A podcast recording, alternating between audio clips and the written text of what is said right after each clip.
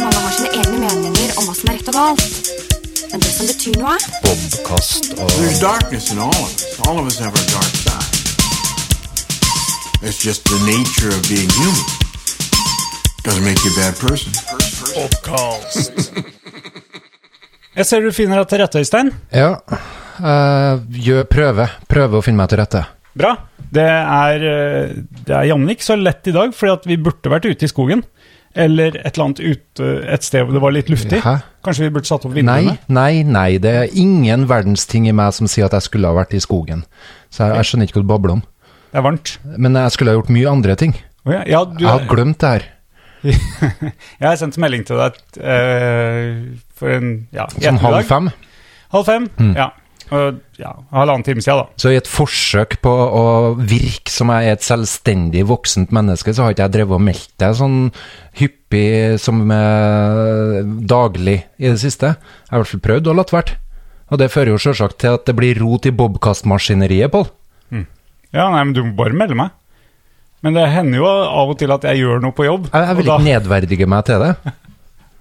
Jeg, jeg, jeg merker Det er ikke noe nedverdigende å, å ta kontakt, Øystein. Jeg- Det jeg forklart Vi deg i episode 34, at jeg er blitt en trengende person sammen med deg, hvis jeg driver og hele tida trenger behov, eh, og dekker behovene mine. Bekreftelse, anerkjennelse. 'Hei, Pål, se på meg!' hele tida. Det går ikke. Men se hva som skjedde i dag. Og så vidt det vi fikk der her. Jeg var nesten på vei til City Syd for å ordne bursdagsgave. City syd. Ja, eller tidligere, da.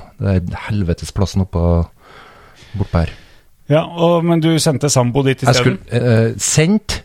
Uh, Sendt er ikke akkurat det vi sier, da. ok. Nei. Jeg ringte henne i stad, nemlig. Jaha, Men hun var veldig blid i stemmen. var det? Ja, for- jeg er på, jeg er på.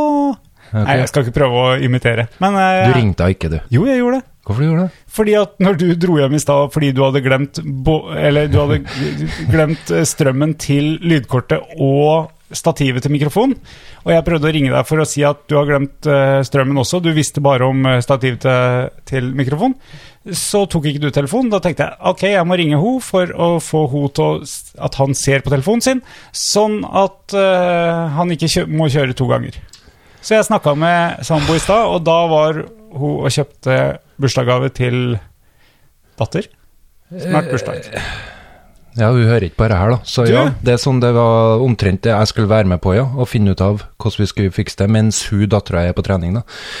Men det ble ikke noe av. Jeg klarte ikke å oppfylle hennes forventninger om den eh, perfekte samboeren. Jeg hadde ordna middag, jeg hadde sittet og jobba på kontoret mitt, jeg hadde, jeg hadde en plan for å mikse den forrige bobkassen vår, som vi hadde bare for to dager siden.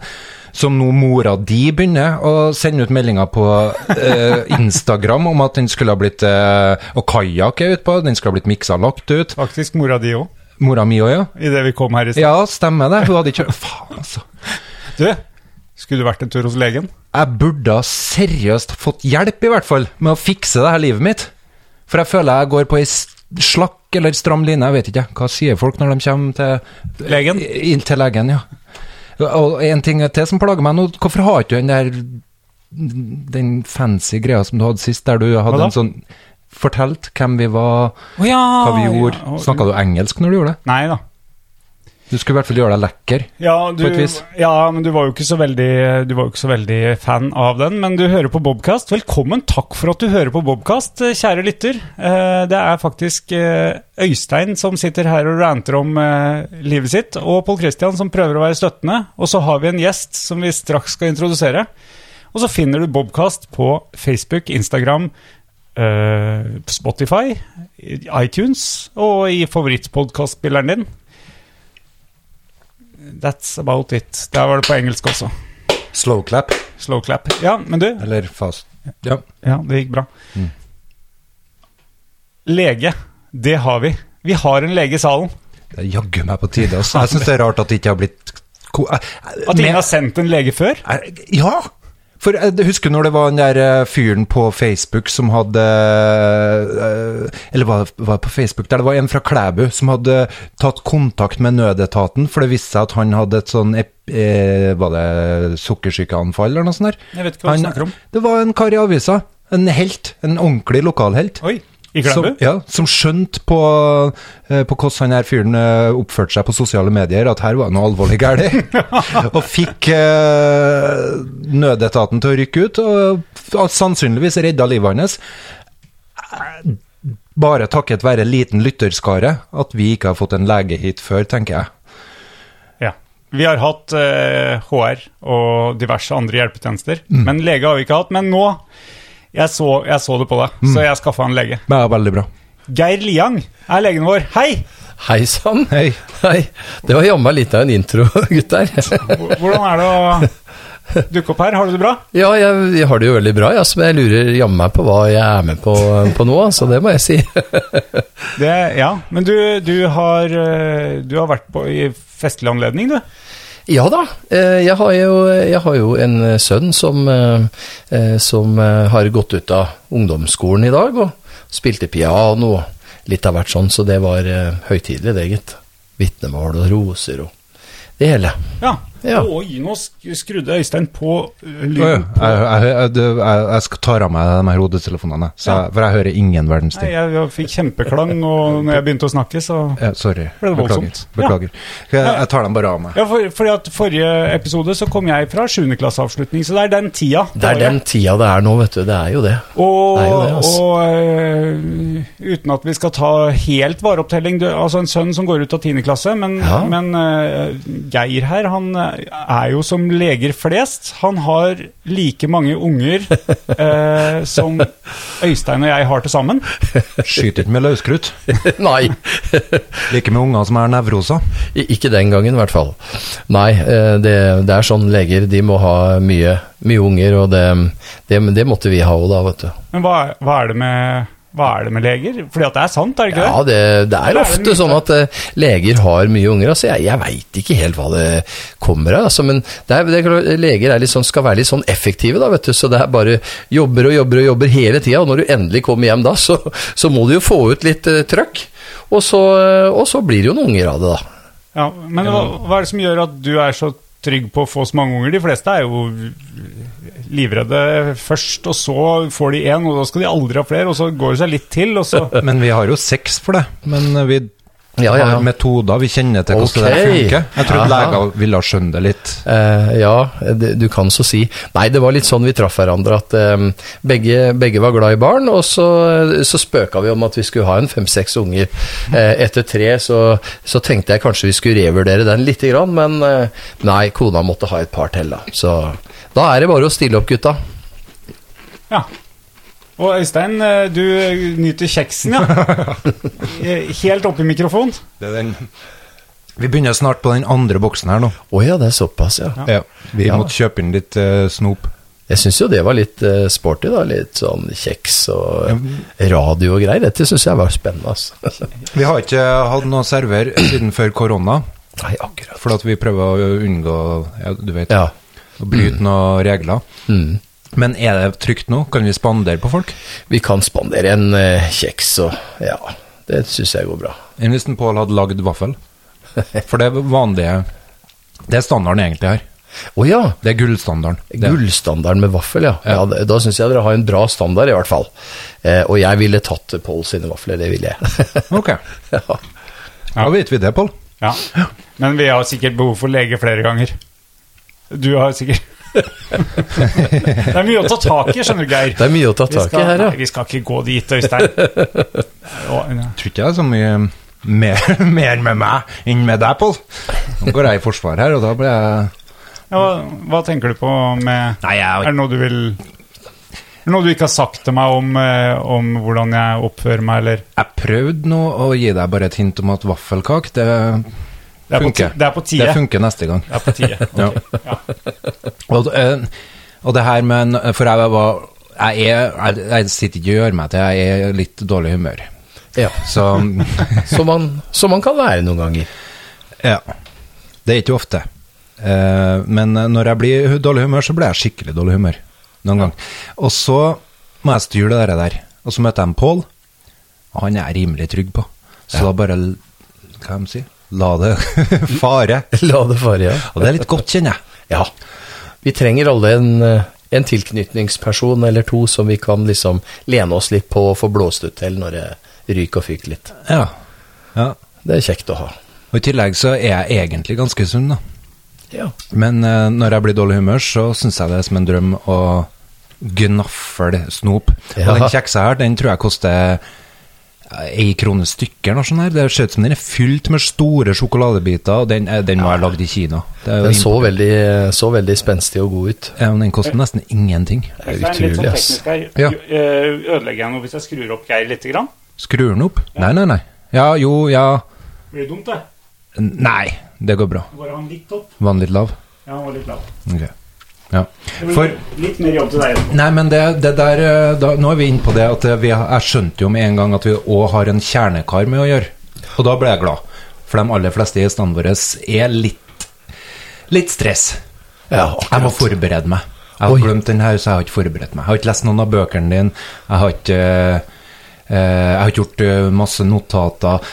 Det i seg sjøl pleier å gjøre at jeg blir litt stressa. Jeg liker å være forberedt. Oh, ja. Men så skjønner jeg, da, når det går ti minutter, et kvarter, jeg er på vei hjem for å hente noe, og du er litt sein, ja, at her er det en kjernekar som kommer. Ja, det var hyggelig du sa det, altså. Du skjønner at jeg skulle egentlig vært født den 22. januar, ja. Så, nei, 22. desember, mener jeg. Og så kom jeg ikke før 3. januar, vet du, sånn nesten 14 dager for seint. Og siden det så har jeg vært litt på hæla noen ganger. 14 dager for sent, ja. Du skylder på den? Det, det har vært litt vanskelig å ta det igjen, syns jeg. Ja. Men eh, jeg kommer meg stadig. Det går helt bra. Det her er jo fritid. Det, du, du har ingen grunn til å stresse. Nei, det, det, var, det var heldigvis ikke så mye stress, da. Nei. Men eh, Gjør meg enda mer glad for å høre det. Faktisk. det gjør meg veldig glad at du kalte meg en kjernekar, liksom sånn. Det, Ja, men det, det skjønner jeg med en gang. Ut fra det at du kommer og er i godt humør, og hvis jeg hadde vært 20 minutter for sein, om Pål i tillegg hadde drevet og sendt meg melding først, før det har gått 10 minutter, og så ringt meg opp Jeg kom til å ha blitt så forbanna. det skal litt mer til at jeg blir sur, altså. Det, det skal mye til. Sur. Ja. Blitt sur. Nei, sjelden, altså. Har fem unger. Ja, det er klart, da det, det kan nok eh, Det kan nok være kulevarmt av og til, men, eh, men sur? Det, nei. For det var researchen egentlig til denne episoden her. Akkurat. Eh, Jeg sliter med å oppdra unger på en ordentlig måte, på en ordentlig ansvarlig voksen måte. Jeg sier som en kompis av meg, eh, som, som eh, da han gikk fra nummer tre til nummer fire, så sier jo eh, alle damevennene hans Du, eh, eh, blir ikke det veldig mye jobb? Og da sier han bare Ja, men det går helt bra, det. Det blir bare litt mer på kona. Og sånn er det hjemme hos oss også. Det er jo hun som er flink til å oppdra ungene. Vet du. Jeg er liberal jeg, og, og litt sånn eh, syns at alle skal få lov å bestemme litt sjøl, og litt sånn Hakkebakkeskogen, ikke sant. Mens eh, da er det fint å ha en pedagog som liksom rydder opp og ordner opp i heimen og lærer oss gutta hvordan eh, vi skal oppføre oss da, vet du. Jeg er litt usikker på for at, Han er splitter pinne gal i tillegg, så nå liker han bare mer og og, mer. og jeg hadde tenkt til, før han nå tok denne uh, innfallsvinkelen, så hadde jeg tenkt å, å bygge den litt mer opp og, og hente ut alle titlene han har og sånn. Nå er jeg litt usikker, jeg, Geir, på om vi skal gjøre det. jo, for, eh, for eh, kan, vi, kan vi ikke få på det rene hva du har av kompetanse her, så vi kan eh, få rista ut av deg litt kunnskap etterpå? For, fordi at vi, vi er nødt til å inni i, er for både, både Øystein og jeg, og du er jo du er både ferdig og midt inni dette her med barn Jeg har hørt deg si før uh, barn og ungdom noe ombygging. Det er noe ombygging som foregår, Ja, og det er trenger det Øystein og jeg å forstå, forstå litt mer av. Ja, det blir jo Men, interessant. men, men, men eh, hvorfor kan vi spørre deg om ombygging? Jo, altså eh, Da tror jeg kanskje du sikter til det at jeg har jo Etter at jeg på en måte var fastlege noen år, og, så kom jeg på at jeg, at jeg egentlig skulle bli barnelege, da. Fordi at jeg hadde et litt sånn glimt i øyet som gjorde at eh, jeg fikk kontakt med barn. da. Og, så, eh, og, og, da, og da begynte jeg på St. Olavs på barneavdelingen, og så da hadde jeg vært der en halvannet års tid. Så møtte jeg en barne- og ungdomspsykiater. Og så tenkte jeg, dægen, det hørtes jo ganske fjongt ut, altså hva, hva i all verden er det for noe? Så det måtte jeg finne ut av. Og, og så syntes jeg det hørtes litt sånn kult ut, da. Og så tenkte jeg, det, det der der tror jeg faktisk jeg skal Det kan kanskje være min greie, da. Og så, eh, og så utdanna jeg meg som, eh, som barne- og ungdomspsykiater. Det vil jo nesten si det at du liksom Du tar en ganske grei psykologipåbygging etter at du egentlig er ferdig som, eh, som lege, da og litt på vei som barnelege. Så, eh, så, det, så da ble jeg spesialist i barne- og ungdomspsykiatri da, som lege der. Og så, eh, og så har jeg jo litt sånn psykoterapi, tre år psykoterapi, fordypning, og jeg har, har liksom jobba med alt fra, fra 0 til, til 18-19-20 år, da. Ok, ok. Uh, før det kommer for mange stikkord, så må vi bare rydde opp litt i noen, okay. noen begreper. Uh, uh, psykiater og psykolog, og så, og så var det eh, Så, vent, jeg, jeg har alltid trodd at psykolog var bare en psyk... Nei, psykiater var bare en psykolog Det det- med legeutdanning. Og det er i grunnen eh, ganske riktig. Ja. Takk. Ja. Ja. Du, du er ikke nøye på ting her. Det var ganske godt Ok, sagt. en gang til. Psykiater er en lege som er psykolog også? Som har en slags videreutdanning i psykiatri, eh, som betyr at man lærer mye av det samme som psykologene kan også. Men hva er, det- er psykologene praktisk- ikke kan gjøre, da? Eh, de kan ikke drive med medisiner og sånne ting, da, for de er ikke så gode på det fysiske kroppen Nei, som så når du, legene er. ikke når du ikke får til det her med å snakke, så gir du medisin? Ja, det, det, det, det var ganske godt sagt. Når alt annet går, går, går, går på ræva, da, da finner vi fram noen piller. Og så, Eller når du har litt dårlig tid, og neste pasient står og venter, Ja. ta disse pillene. ja, ta en pille, så blir det stille, vet du. Hva anbefaler du? da? Pille så blir det stille. Eh, Tja, eh, nei, det spørs jo litt, eh, det spørs jo litt hva, vi, hva for en slags diagnose vi skal sette. Og, Har du og så ikke noe universalmedisin? Eh, Universalmedisin? Ja, det må være humor, da. Jeg tror jeg har ganske mange diagnoser som jeg tror jeg lider av. Ville jeg kunne ha funnet ut hvordan som jeg lider av med å finne en medisin som funker? Eh, Kunne jeg gått den veien for å diagnostisere meg? Og jeg er litt sånn, ja. Og én etter én? En, ikke den. Nei. Ja, ja, ikke den, Den? Nei. Den Ja, vi har, faktisk, eh, vi har faktisk en behandlingsstrategi som kalles behandling ex juvantibus. Det høres jo ganske flott ut, men det betyr rett og slett at vi har en mistanke om at det er en eller annen eh, diagnose. Eh, Men for å være sikker da, på at det er den diagnosen, så gir vi den medisinen som kurerer den diagnosen. Og hvis det da får napp på den, ja, da, da var det det det var. Hæ? Litt sånn hekseopplegg der. Hvis det synker, så Det høres litt shady ut, kanskje, men det er ikke alle diagnoser som er like lett å stille. Og husk at hvis du er en, hvis du er en vanlig fastlege, ikke sant, eller altså en, en sånn fysisk doktor, da, så har du så mye hjelpemidler for å stille diagnoser. ikke sant? Hvis du har mandler som nesten kommer ut av halsen, ikke sant, med hvitt belegg på. Du trenger nesten ikke legeutdanning da for å si at nei, her er det jo her er det halsbetennelse, Yes! ikke sant? Så du hørte- og så har vi blodprøver hvor vi kan måle jern, ikke sant. Da er det, jo, det er jo så enkelt. Det er jo jernmangel, ikke sant. Så er det vitaminmangler og det ene. Og, og så har vi jo, hvis du kommer med armen og den ene går opp der og den andre går ned der, da trenger du nesten ikke røntgen engang. Men du kan ta røntgen for å se at det er et brudd, ikke sant. Så veit du nøyaktig hvordan du skal behandle det. Men når du er eh, psykiater, vet du, da er- kommer jo folk med følelses- og atferdsmysterier så det holder. Og der er det ikke bare å ta et røntgenbilde eller ta noen blodprøver og finne ut av det. Så det er slett ikke alltid vi er så sikre på, på diagnosen, og da kan vi kjøre en X-Uvantibus, da. Men, men hva, hva skal du egentlig med, med diagnosen, da? Hva, hva, hva er det godt for? Det, det, som, det er egentlig et ganske godt spørsmål, det der, der fordi Må ha noe at, å på. eh, Ja, kan jeg nå si hva Du skjønner jeg har da ADHD, f.eks., som jeg kan mistenke at jeg har. Altså, det, det, altså, eh, diagnoser, det er egentlig ganske godt spørsmål, fordi at eh, diagnosene er litt sånn at eh, de- de rydder litt i forhold til en form for felles forståelse, da. Og så er det sånn at diagnosene, de er jo bare noe som sånne eksperter rundt omkring eh, på jorda har liksom funnet ut at det og det og det er liksom i den eh, diagnosen. Men i, eh, i, psykiatrien, og kanskje spesielt i barne- og ungdomspsykiatrien, så er vi jo mer opptatt av eh, Vi er opptatt av eh, eh, det vi kaller funksjonsnedsettelsen, da. Ja, dem har jeg mange av. Og det, ja, og det er jo da det liksom Hvis det f.eks. går utover, utover det sosiale, da vet du, med venner og familie, eller hvis det du har eh, eh, gjør at du får en vesentlig nedsatt livskvalitet, eller, eller at det går så utover konsentrasjon og søvn og sånn at du ikke klarer skolen eller jobben, da snakker vi om en funksjonsnedsettelse. Og så kan det være ofte en sammenheng da, ikke sant, mellom diagnosen og, og hva som ligger bak. Men vi, er, eh, vi, vi prøver i hvert fall å finne ut hva som ligger bak, da. Jeg må hente litt mer vann til Geir, jeg, fordi at eh, jeg ser jo at det, det blir behov for det. Ja, vi, eh, det, det var varmt her i dag. Ja. Selv om det er en ganske sval, fin plass dere her er. Dette studioet her var litt annerledes enn mange andre radiostudioer, ja. Har du vært i mange radiostudio før? Jeg vet jeg har vært med han der Pål Plassen på Norgesglasset noen ganger, og så snakka om søvn en gang, og så, og så en annen gang snakka jeg om ADHD, husker jeg. Ja, Hvordan eh, er et vanlig radiostudio? For jeg har aldri vært i et radiostudio. Ja, nei, det, det, det, det ser ikke ut som et flott, gammelt hus, sånn som det studioet vi har her, da. Ikke lafta vegger? Eh, det var det ikke der, altså. Og, eh, og så var det litt eh, Det var masse rom og folk som fløy rundt og sånn, så jeg, jeg liker meg mye bedre her, for å si det sånn, da. Det var litt derfor vi valgte den plassen her. For at vi, jeg kommer i en annen sinnsstemning. Jeg kommer litt bort fra alt det der, der som uh, gjør at jeg spekulerer på om jeg har noen diagnoser. Så her føler jeg meg ganske normal, da.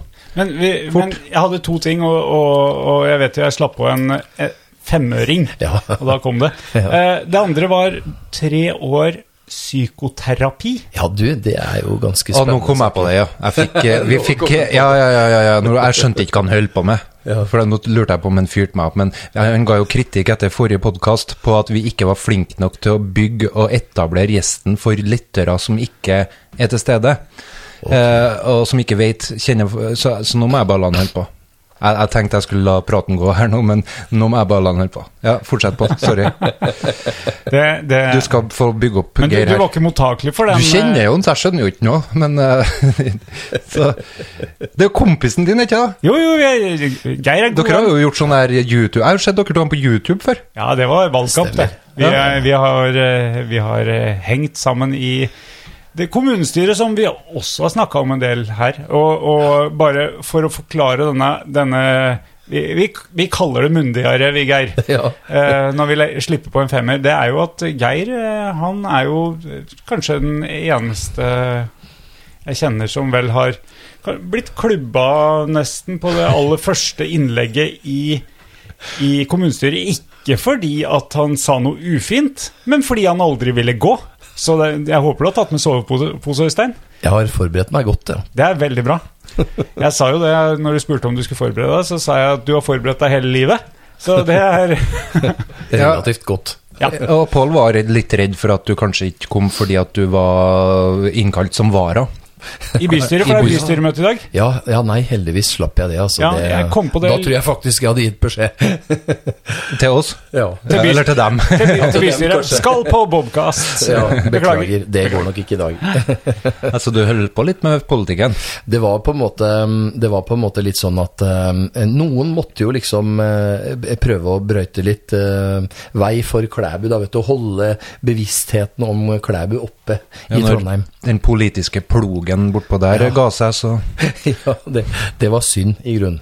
Men, eh, men eh, han har lært meg godt opp, da. Det har han gjort. Og, og ikke for det, for eh, vi hadde Man kan ikke erstatte Pål Christian i politikken. Det, det Eh, psykoterapi var det vi skulle Ja, inn på nå. En Pål, en Pål din mentor i politikken? Absolutt. Sier du det? Ja, ja, ja. Ja. Absolutt.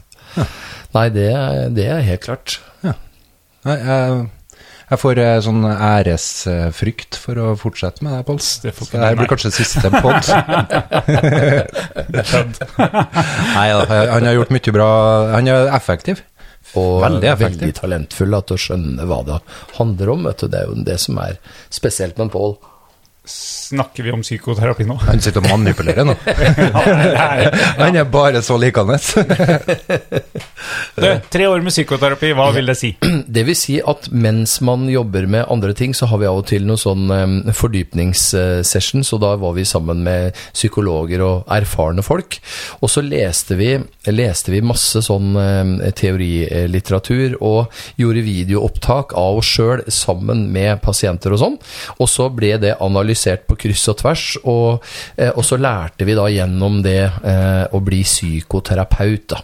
Ja, men det her var utdanninga. Det var ikke Altså, mens mens du var lege. Tillegg, det var mens jeg var lege, og mens jeg hadde tatt eh, alle de der eh, spesielle kursa for å liksom bli spesialist. Men, eh, men i tillegg til det så kunne jeg jo ikke si nei når jeg fikk, når jeg fikk tilbud om å eh, liksom eh, lære meg enda mer om å bli terapeut. Da. Så, så da lærte vi om de forskjellige retningene liksom innenfor psykoterapien og så det, det her eh, litt sånn bakteppe. Og så, og så lærte vi spesielt eh, hva vi skal gjøre sammen med barn. Da. Vi leker jo med barn og sånn. Men, men, men, men jeg er litt nysgjerrig på hvordan det er for Ble dere filma? Ja, så vi, vi, eh, vi lagde filmopptak mens vi leika med barn, og, og samspilte med barn, snakka med barn, og, eh, og behandla dem og sånn. Ok, så dere lå ikke på sofaen og hadde Det sånn var liksom den gode, gamle forståelsen av psykoterapi hvor man ligger på en sofa og sånn. Det funker ikke så godt på barn, da. Eh, Så der må vi Ligger ikke rolig. Nei, de ligger liksom ikke rolig, og de har Nei, ikke ikke de der refleksjonene. Jeg tenkte du måtte være gjennom terapi for å bli terapeut. Eh, ja, vi, vi har noe som heter egenterapi også, så det, det er jo interessant. eh, Det, men det var bare en liten del av det, da. Masturbasjon. Vel ikke akkurat det, kanskje. ikke i tradisjonell forstand. Mental masturbasjon. Mm. Ja. Det kan man si. ja. Nei, når en sitter på verktøyene, hvorfor ikke benytte dem, tenker jeg nå jeg. Ja. Ja. ja det, det, Tre år, altså, med det opplegget der. Ja, det var eh, Etter sju år, hva studielån har du? Sju år med vill legge ut. ja. Nei, studielånet, det, det var ganske bra, bra stort, det. Men vi får heldigvis litt betalt etter hvert som vi begynner å nærme oss eh, litt sånn ferdig med grunnutdanning og sånn. Så får vi jo litt betalt, så da, da hjelper det litt, da. Mm. Så, så, får, så det blir jo som en, en, en slags eh, gratisutdanning mens du jobber, da. Og det må du bare ta med seg. Fortsett, Pål. Bygg opp. Nei, jeg, Så er det på tide å rive meg ned. nå, skal vi, nå skal vi rive ned. Nei, og nå er det altså da Hva er det som skjer? Kjære lege med barnepsykiaterutdanning. Ja. Hva er det som skjer med disse ungdommene nå? ja. Eller nå? Altså ja. Nå, liksom. Ja, det det, det, det begynner vel Begynner sånn tiårsalderen kanskje for jenter. Ja. Og så den ombygginga litt seinere for gutter. Ja, ofte litt seinere for gutta, ja. Ja, de, de har lyst til å leke litt lenger. Ja. Ja. Og så slutter det aldri. så slutter det aldri. ja, nei, det er jo en, det er jo en overgangstid, dette her. Tenker du at uh, ombygginga har slutta for meg og Øystein? Vi er jo, vi er jo eh, 20 ganger 2 cirka. Vel, jeg vil jo si det at eh, det er ganske eh, bra eh, at man har litt barnet og ungdommen i seg. Og, og, og jeg må si det at det er jo et fenomen som vi alle kjenner litt på. Vi kjenner oss jo ikke så gamle som vi er etter hvert. Jo eldre vi blir, jo yngre kjenner vi oss på en måte. Så, og det tror jeg bare er bra, ja, altså. Men det du tenkte på, det var kanskje det der, der når det begynner å risle litt sånn der um, hormoner fra binyrebarken, som, som, uh, hormoner, ikke sant, sånne signalstoffer som slippes ut i blodbanen, og så uh, rusler dem rundt omkring i kroppen, og så begynner de å trykke på noen knapper her og der, og vips så begynner disse her uh, ungene å bli litt ufordragelige, og de begynner å få endringer i stemmen, og, og, og alle disse her tegna på at de begynner å bli ungdommer, da. Det var kanskje den, Ja, det er, det er den ombygginga av hjernen jeg tenker på. Men, men Sånn var det. Det var en fin uh, fær rundt i blodbanene, går og trykker på noen knapper. Jeg likte den. Jeg likte den. men, men hva, er et, hva er et hormon, da? Ja, et hormon er et kjemisk signalstoff som lages av en kjertel. Eh, altså en, en cellegruppe som, som liksom har spesialisert seg på å lage og bygge akkurat det, det, den byggesteinen, det hormonet. Og så slippes hormoner ut i blodbanen, i motsetning til f.eks. signalstoffer som går i nervesystemet, for de følger jo på en måte nerve, nervebanene. Da. Er det det er, det en, er det en væske?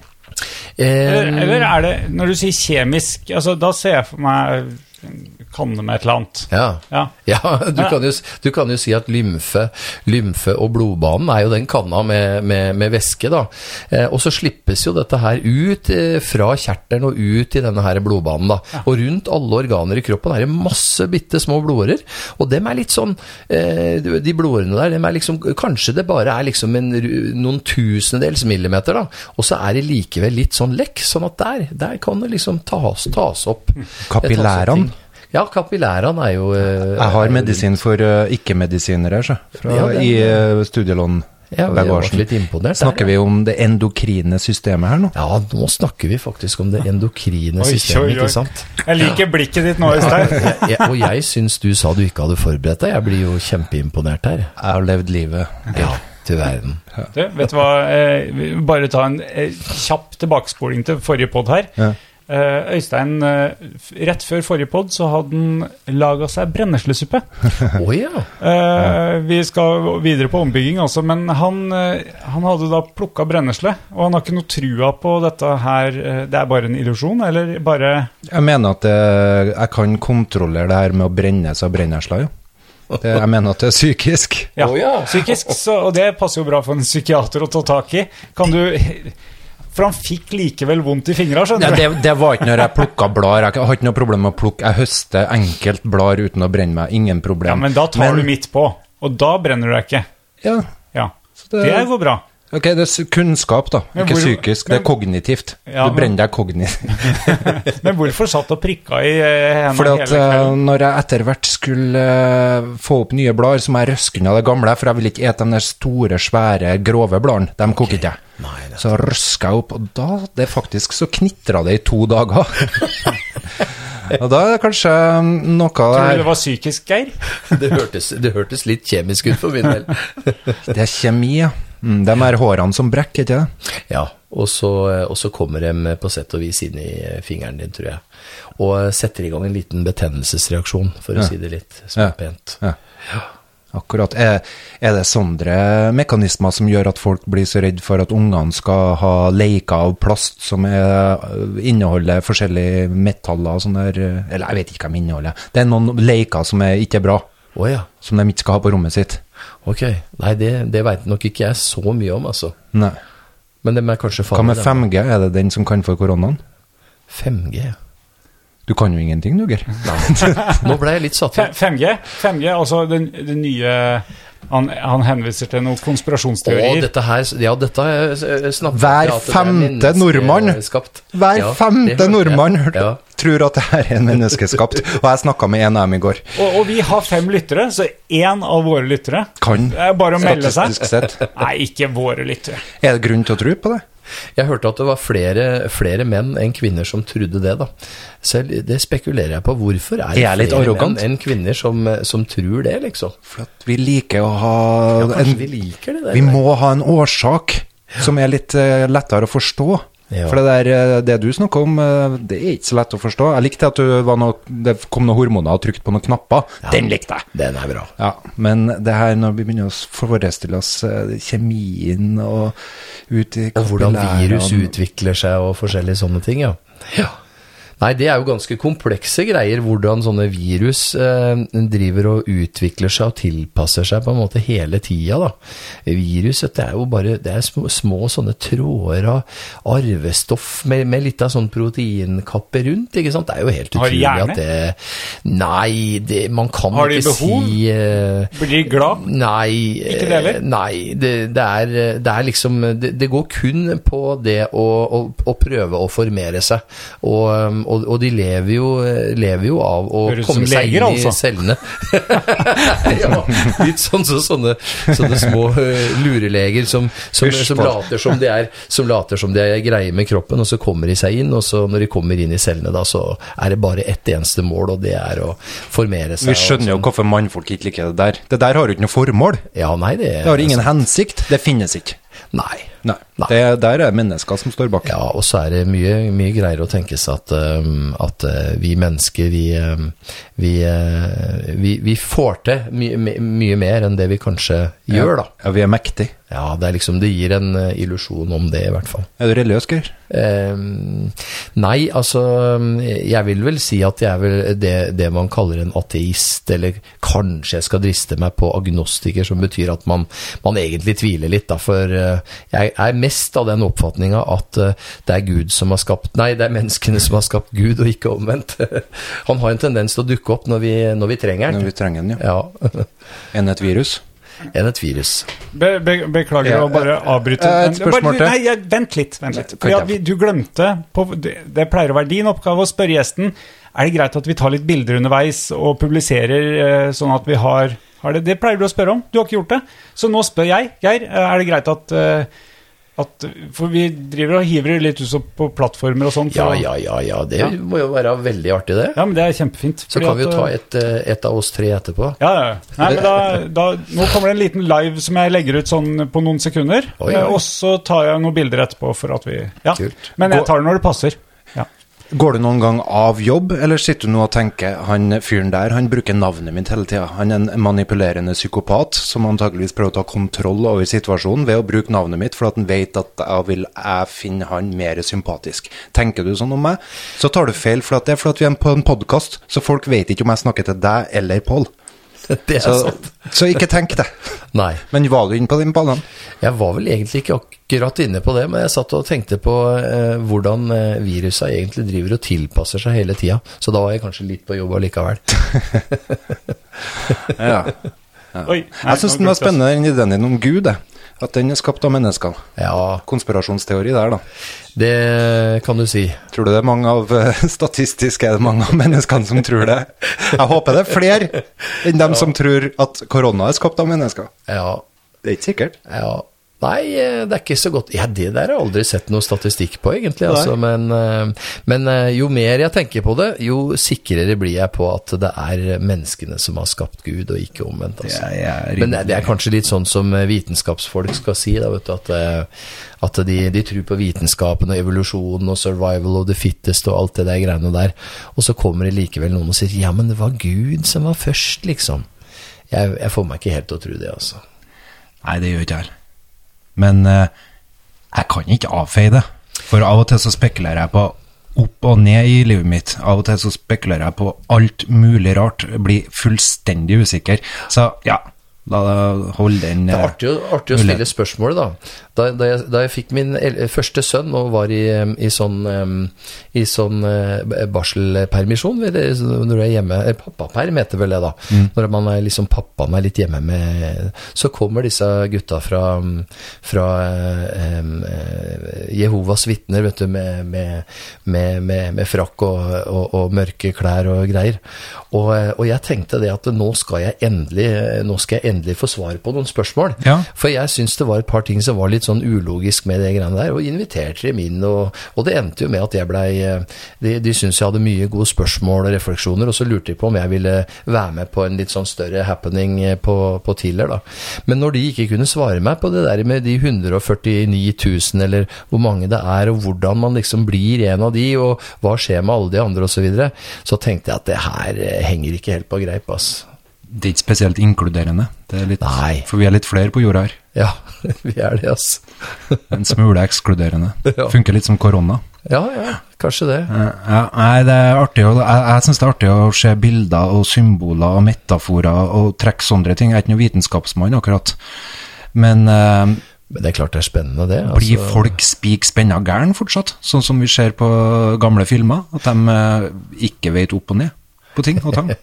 Ja, altså eh, da tenker jo jeg litt sånn at det er, det er litt sånn to ting som på folkemunne heter at du er eh, skikkelig gæren, da. Og det ene er jo den derre eh, disse her som, eh, som har mista helt realitetssansen, ikke sant, og som, som er i en helt annen verden og, og, og ser og hører ting som vi andre ikke ser, og, og, og er litt paranoide og sånn. Og så har jo disse her, disse her skikkelig psycho-folka, ikke sant, som Dr. Jekyll and Mr. Hyde, eh, personlighetsforstyrrelser og det, det opplegget der, og, og psykopaten som du nevnte, og, og, og de der, det, det er også litt sånn eh, dem, dem regnes jo også litt sånn, sånn gærne på en måte på folkemunnen, da, men de er gjerne litt smarte, så de klarer å lure, lure, lure deg litt, da. Huh. Eh, men ser du sånn eh, Ser du mekanisk på det her? Er det her i bunn og grunn bare et snakk om eh, noen feilkoblinger, noe, noe fra det kanskje det endokrine systemet og noen synapser som fyrer av litt feil og treffer noen feil reseptorer?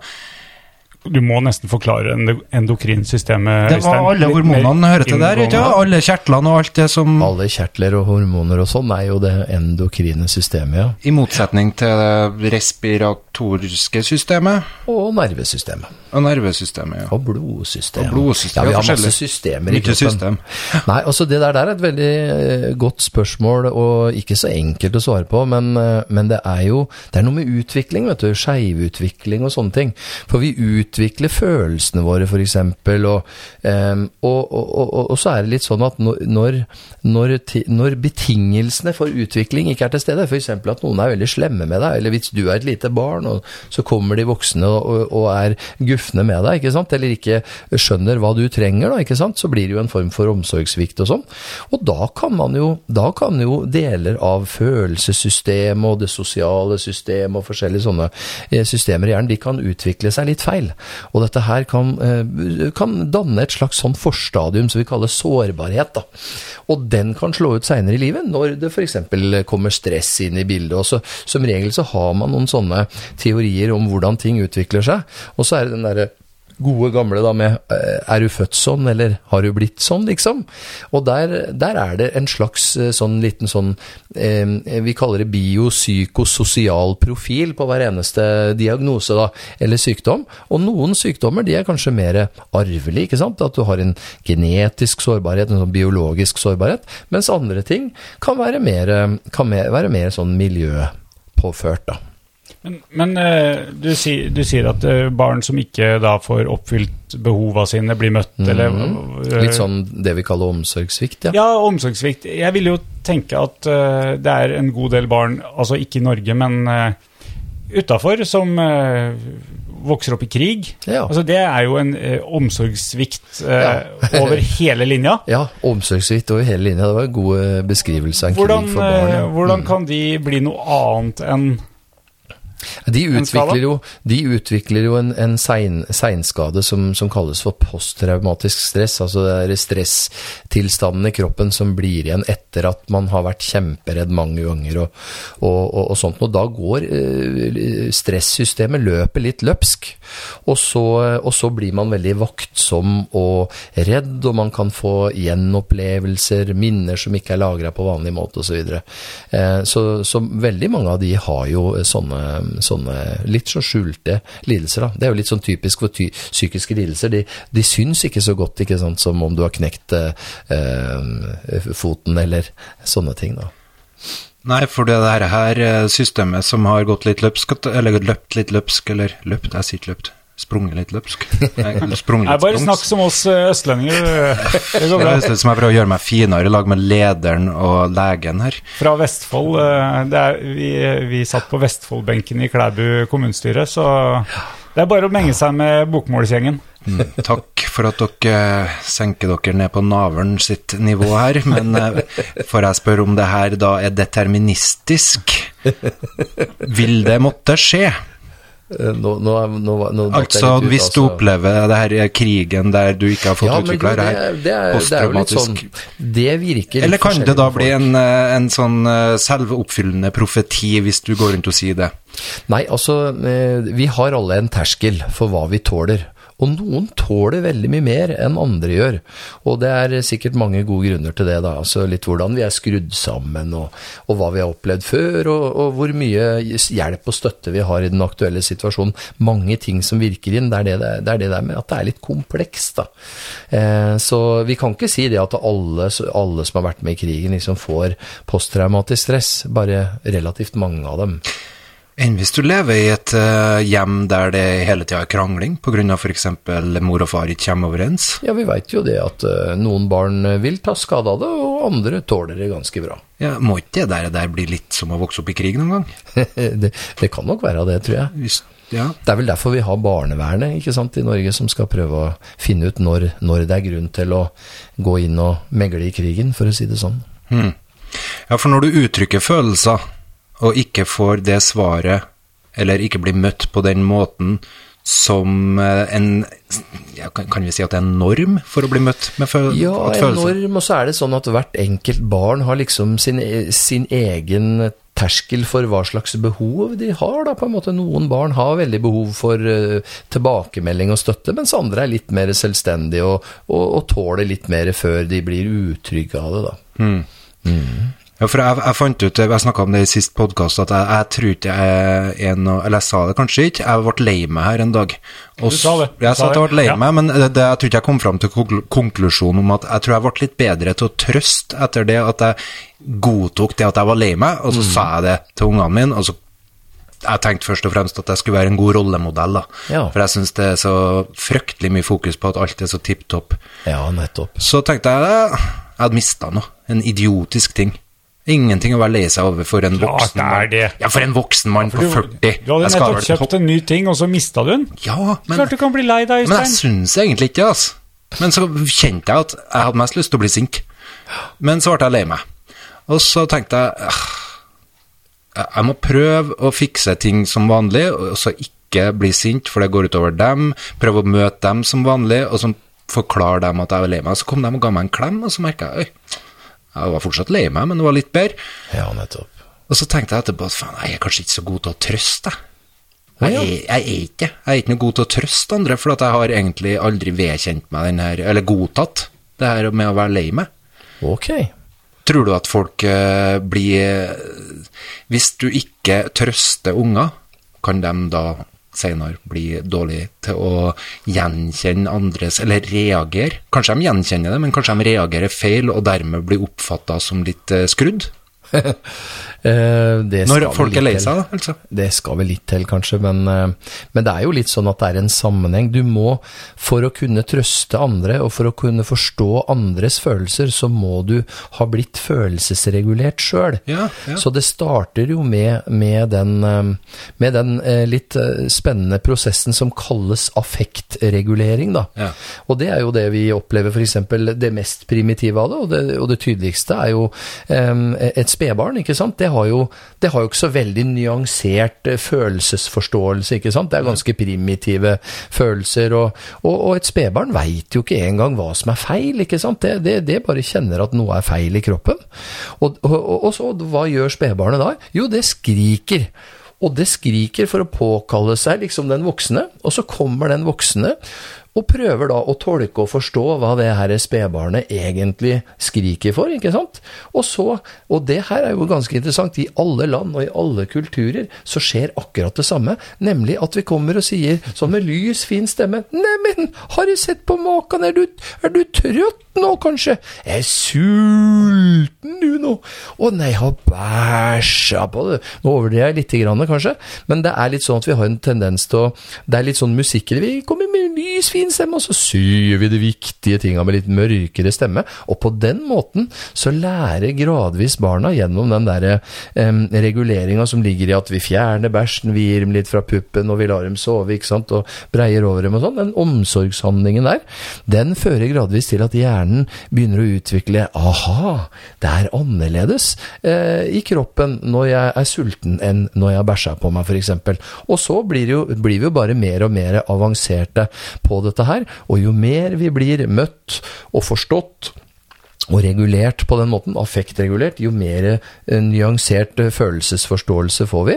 Og så kan vi til slutt, det som du snakka om, det å forstå eh, andre innafra. Ved å, eller egentlig forstå andre utafra ved at du kjenner deg sjøl innafra, på en måte. Og det er, et, eh, det er liksom et nivå som ingen andre dyr har. Et, det derre mentalisering, det å tenke om å tenke, det å tenke om andres tanker. Eh, og det skyldes jo det, det at, at, vi har, eh, at vi har noen egne nerveceller oppi hjernen, vi som ingen andre dyr har, som kalles for speilnevroner. Og det var noen italienere som, som fant ut at eh, det, i nærheten av de der motoriske nervecellene våre, så har vi altså noen egne nerveceller. Og de er liksom i stand til å, å, å forstå ut ifra hvordan ting blir kommunisert, hva slags hensikt og intensjon vi har for å si akkurat det vi sa akkurat da. Og det er ganske fascinerende, da. Alt det der som du tar primitivt, da, med, eller primitivt, med spedbarnet, da er det jo ganske oversiktlig og greit, og jeg skjønner, Nemlig, de her, jeg skjønner det, det bildet her med et barn uttrykker nå, og vi prøver å affektregulere med å prøve å reagere på riktig måte, fjernbæsj eller i mat. Ja, ikke sant. Veldig enkelt. Veldig enkelt. Men så når de begynner å bli litt eldre, så er det jo ikke så enkelt. Nei, Du har jo f.eks. disse tenåringene som, eh, som kommer inn eh, i, i gangen din, ikke sant. Eh, Kommer inn døra, og du, du hører jo bare på rammelet i døra, måten de smeller i døra på. Jakka blir knapt hengt fra seg. Du, du hører skoa smeller i veggen, ikke sant. Og, og tramp, tramp, tramp opp trappa, kanskje et hulk. Og så smeller døra til tenåringsbula igjen, ikke sant. Da, da, må vi jo også tolke og forstå liksom hva er det som foregår nå. Og for å gjøre en god tolkning, så vil jo de fleste foreldre da stikke opp trappa, og så vil de jo banke på døra, og så lokke opp den. Og litt avhengig av hva reaksjonen da blir, så gjør vi en eh, tolkning og prøver å regulere dem så godt vi kan, da. Hva anbefaler du? Skal vi virkelig trøkke oss på å prøve å hjelpe denne ungen fortsatt? Skal vi tørke bæsjen for deg, eller skal du ha mat? Eller skal vi la dem få litt rom? Det er et kjempegodt spørsmål, og, og, og, og det gode svaret på det er jo at, eh, at her må hver enkelt kjenne sin, kjenne sin unge. Eh, Er de der at eh, når de blir, kommer i affekt, da, som det heter så fint, er det, er det da sånn at, at de helst vil være litt aleine for å liksom Det er et ordtak som sier at smeden smir når jernet er varmt, men terapeuten smir når jernet er halvvarmt. Så vi må på en eller annen måte få jernet fra varmt til halvvarmt, og der kan det være flere bruksanvisninger ute og går, da. Ja, det er et fint bilde. ja. Halvvarmt. Ja, altså, med det, med det, du, det du mener er at eh, det har roa seg litt Det i har hodet? roa seg litt, grann, ja. Eh, og vi- Men da må jo, da må jo ungdommen eh, på en måte ha med seg noe i bagasjen som gjør at man kan Ja. roe seg. ja. Eh, Nettopp. De fleste vil nå roe seg over tid uansett, men, men det, vil det tar sikkert forskjellig tid. Det tar Hvis man tid. har noe i bagasjen som gjør Og noen ganger må vi jo hjelpe dem fra at jernet er veldig varmt til at det blir halvvarmt også. Eh, og det er der eh, hver enkelt har en litt eh, unik bruksanvisning, og, og, og hvor den gode forelder da på en måte veit litt om hva de har i bagasjen og har prøvd seg litt fram, ikke sant. Og så får man litt den der følelsen skal vi gå inn, eller, skal vi, eller skal vi la dem roe seg ned litt? Men bare for for å smøre inn alle foreldre som da har litt eldre barn med masse dårlig samvittighet, Ja. er det noe de kunne gjort når barnet var tre, fire, fem år, for at hjernen skulle bli fortere kaldt når, nå? Eh, Kom igjen, kjør på nå. det Ja, som- det som du skulle gjort. Nei, det som er litt kult, det, det, var et, det, det, det var en barnepsykiater lenge før meg som het Donald Winnicott. Og han sa det at uh, det er faktisk noe som heter good enough mothering. For det heter jo alltid mothering før, vet du, for 80-tallet og, og, og rundt der. Da snakka de jo bare om mor, barn, eh, og, og omsorgsperson var liksom eh, Ja, det var alltid mora, vet du. Så det var noe som het good enough mothering, og i disse eh, likestillingstider så eh, kaller vi det vel heller good enough parenting, da. Og heldigvis er det sånn at det er noe som heter godt nok. Vi må ikke alltid være perfekte regulatorer som foreldre. For hvordan skulle det utvikla seg, gutter, hvis, hvis det var sånn at, at vi Gutter, til enhver tid gutter. eh, til enhver tid måtte være helt perfekte og gjøre det riktige hele tida. Det hadde jo ikke blitt bra. Da hadde jo ungene blitt helt avhengig av oss hver gang.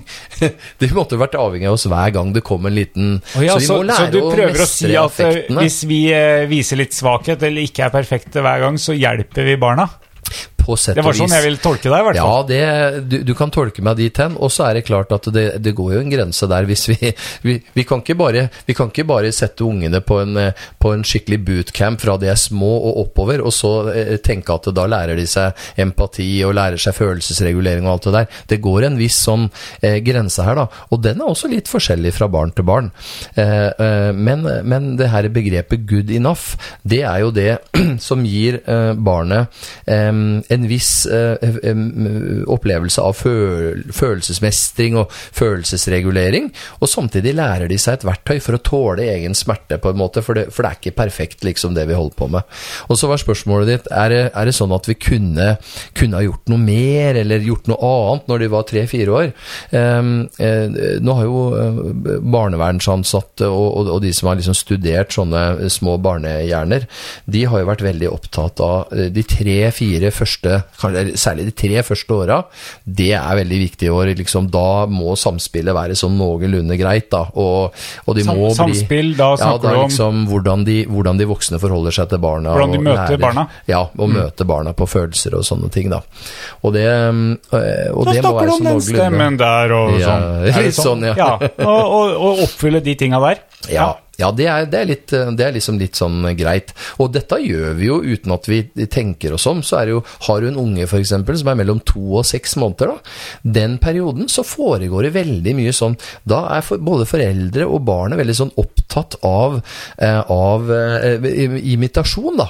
Å imitere. Og, og, og de som kan mer enn meg om dette her, sier jo det at med, gjennom at vi da imiterer barna og får dem til å Så sier vi O, ikke sant, så sier barnet O, og så, og så smiler vi, og så smiler barn, og hvis vi gjør litt sånn at vi ser litt lei oss ut, så begynner de med å grine med en gang. Så det er liksom gjennom den måten å gjøre det på, så, så lærer liksom barna seg sine egne følelser, og, og skjønner gradvis faktisk, rundt sju måneders alder, så begynner barnet å forstå at hei, du og jeg, vi er egentlig to forskjellige eh, personer, vi. Eh, sånn ca. seks-sju måneder, da, da, da skjønner barnet plutselig det. Og det som er litt kult da, det er at da vil barna, da vil barna eh, plutselig begynne å dele med en gang. Dele felles oppmerksomhetsfokus.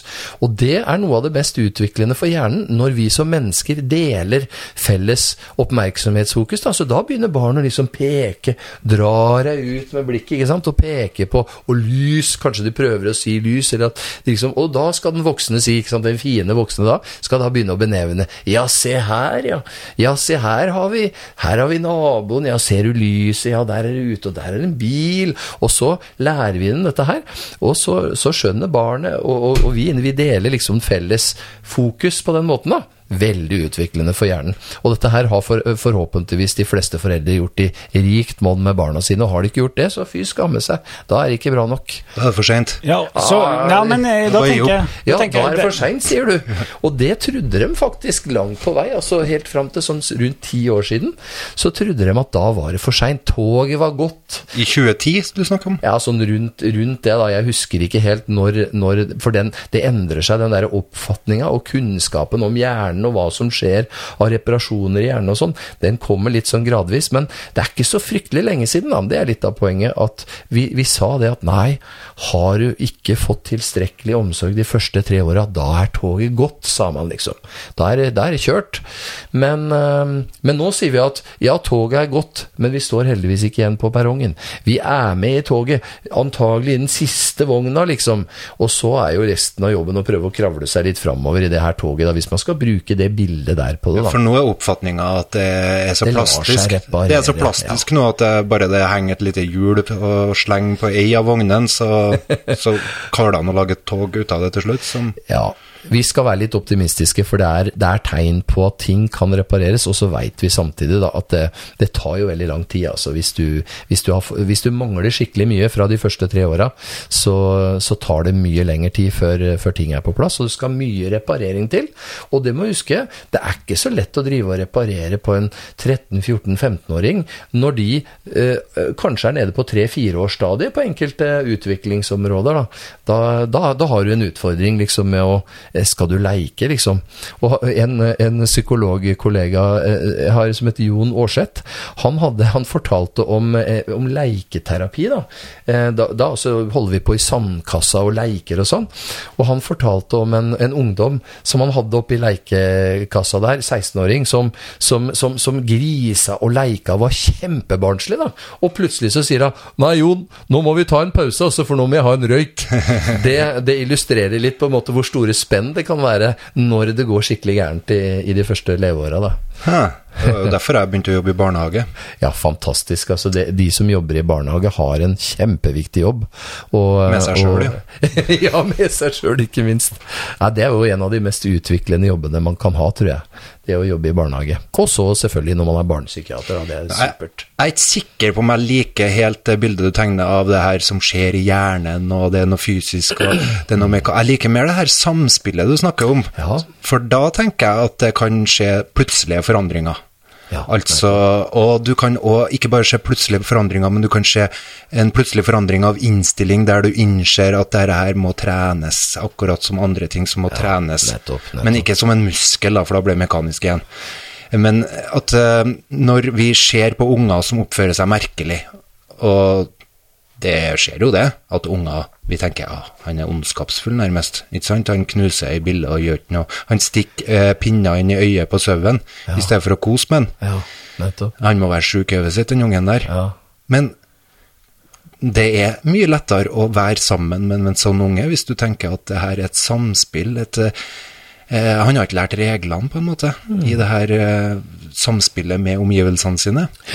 Det er, en, eh, det er en spiller på laget som ikke vet at eh, ballen skal fære mellom oss. Nettopp. Han bare skyter den over eh, sidelinja. Skjønner Men du, du, har, du har veldig rett i mye av det du sier når det gjelder det der med samspill, og hvor viktig det er. da. Og der henger vi egentlig litt på, på lag, du og jeg, fordi at eh, det, det, det er faktisk sånn at samspillet i seg sjøl skaper den der utviklinga i hjernen. Og det som er litt sjukt, da, det er jo at det var en fyr da, som ja, han lever faktisk enda og er regnet som en av liksom verdens mest betydningsfulle psykoterapeuter. da. Han heter Daniel Stern, da. Og, det, og han eh, postulerte allerede, og skrev i en bok da, eh, eh, som, he, som het The Inner World of an Infant, og det betyr altså på norsk spedbarnets indre verden, altså noe sånt. Allerede i 1985, og da hadde han eh, laga sin egen teori om hva, hva et spedbarn kunne få med seg av, av ting og tang, for da foregår jo alt, ikke sant, i samspill og utvikling og sånn. Hva sa du, 1980? I 1985, liksom. Ah, ja. og, og det som er litt kult, da, er at eh, 30 år eh, sånn cirka seinere, så kommer sånne spesielle MR-maskiner og forskjellige sånne greier, ikke sant? Og de viser at han hadde faktisk helt rett, da. Og det Støren sier, det er at når barnet skjønner at du skjønner hva barna, hva barnet, hvordan barnet har. Ja. Har det liksom på en måte, eller hva barnet tenker på, eller liksom hva som er tema, eller hva det er liksom som foregår akkurat nå, så så, så, så, så, så da kaller Støren det 'moment of meeting', for da møtes de to sjelene, ikke sant, og hjernene, de møtes på en måte da. Og du trenger ikke å være uttalt heller, men det er liksom bare det der øyeblikket når I et samspill, ikke sant? Når barnet skjønner at du skjønner hvordan det Da er følelsen delt, og da dannes det tusenvis av nye eh, sånne nerveforbindelser i hjernen, da. Så vi, vi er på lag der. Samspill er veldig, veldig utviklende og veldig bra. Har, har, du, eh, har du kontroll over hvordan eh, Svaret er selvsagt nei, men eh, jeg spør likevel. Har du kontroll over hvordan hjernen funker? Å nei, eh, det, det er vel ingen, Men ingen ja. som har helt det, da. Nei, For det er en merkelig sak. Ja, den, den Jeg har den- kontroll. Jeg har ei bok hjem. Den heter Hjernen. Det er en populærvitenskapelig bok. Der står det, Pål. Du kan låne. står det. Er sånne bilder av sånne veier som går hit og dit utapå. jeg har ikke gidda å lese den. Nei, men, men, men eh, fordi, at, eh, fordi at Jeg refererer igjen da til det som du har sagt før, for jeg har hørt deg snakke litt om dette før, med ombygging av hjernen. Ja, stemmer. Uh, og det er jo uh, sånn at uh, Igjen, da. Puberteten. Nå gikk Øystein. Nei, jeg skal bare hente kaffe. Du skal bare hente kaffe. Ja. Herlig.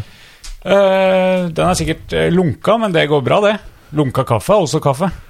Ehm, jo, denne ombygging av hjernen som skjer i puberteten, den tida der. Jeg prøvde meg i stad, men vi, vi havner jo alltid utpå masse andre ting, og så prøver vi å hanke oss inn igjen på, Du må, du må bare hanke oss inn, eh, Pål. Nei, nei, nei. nei, nei, vi, Jeg skal ikke bidra til å holde sporet her. vi hanker oss eh, sammen eller ikke. Ehm, nei, så, så det, hvorfor, hvorfor akkurat i den der perioden med, med pubertet, eller mm. Men, men, men hold et lite en NB der, da, at vi må gå over veien om samspill. Du tar den biologiske og går videre derfra, så tar vi, går tilbake til samspillet igjen etterpå. ok? Okay, Ok. men du gikk for en til kaffe, så da var samspillet borte. takk, takk, takk. takk, takk. Vi Ja, har eh, hvorfor, hvorfor, hvorfor har vi behov for den der ombygginga Det var et godt spørsmål. Mye bedre spørsmål. godt spørsmål. Hvorfor har vi behov for ombygginga i den alderen der?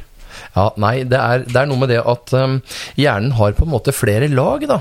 Eh, Som en løk, og- har jeg hørt på ja, Shrek. sånn som en, ja, som en løk, ja. ja. Med flere lag. Eh, og, og, det er, og det er noe med at den, den frammeste delen av hjernen, liksom frontalhjernen som det heter så fint, det er liksom den delen av hjernen som må utvikle seg sånn at vi, når vi Du veit, vi, vi mennesker, vi, har, vi lever et sånn ganske komplisert liv, og det tar ganske lang tid å lære seg det du må lære deg, liksom. Liksom for å kunne liksom fikse ting eh, som voksen, da, i et samfunn. Det er så mange krav der ute, ikke sant.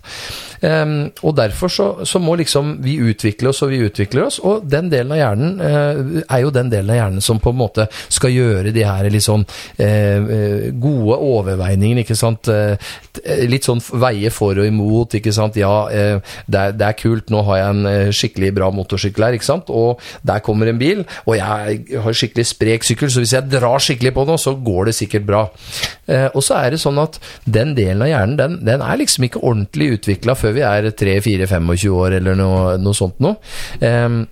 Og den utviklinga, liksom, eh, den, den, starter jo Og det er jo så mye andre sånne greier som, for å utvikle oss liksom fra å være barn til å være voksen. Det er ganske mye, det.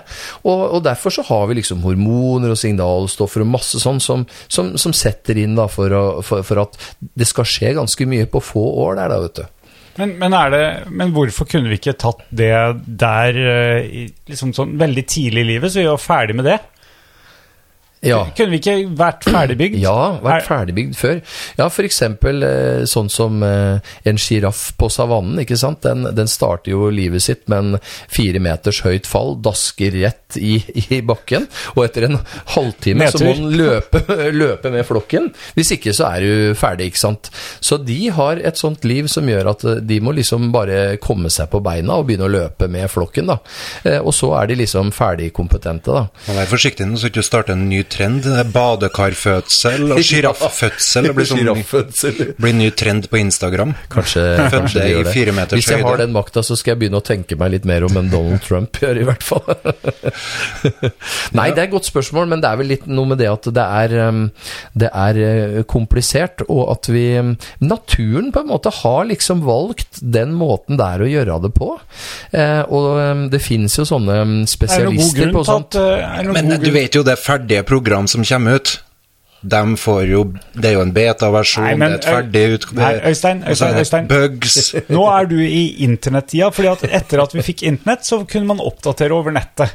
Ja. Men, men, før det, når, når, eh, når, du og jeg drev med sånn der floppy-disk litt sånn stor, mm. så var det ikke bare å få tak i en oppdatering. Da måtte programmereren ha laga et ganske godt produkt i utgangspunktet. Det er etter det at man kan drive og sende uferdige produkter, sånn som Smittestopp-appen, ut på Ja, men de må jo endre seg i forhold til omgivelsene. Du bruker jo ikke Word eh, fra 95 lenger, du heller? Det hadde funka. Ja, kanskje. Ja, eller Tror Word Perfect. Ja.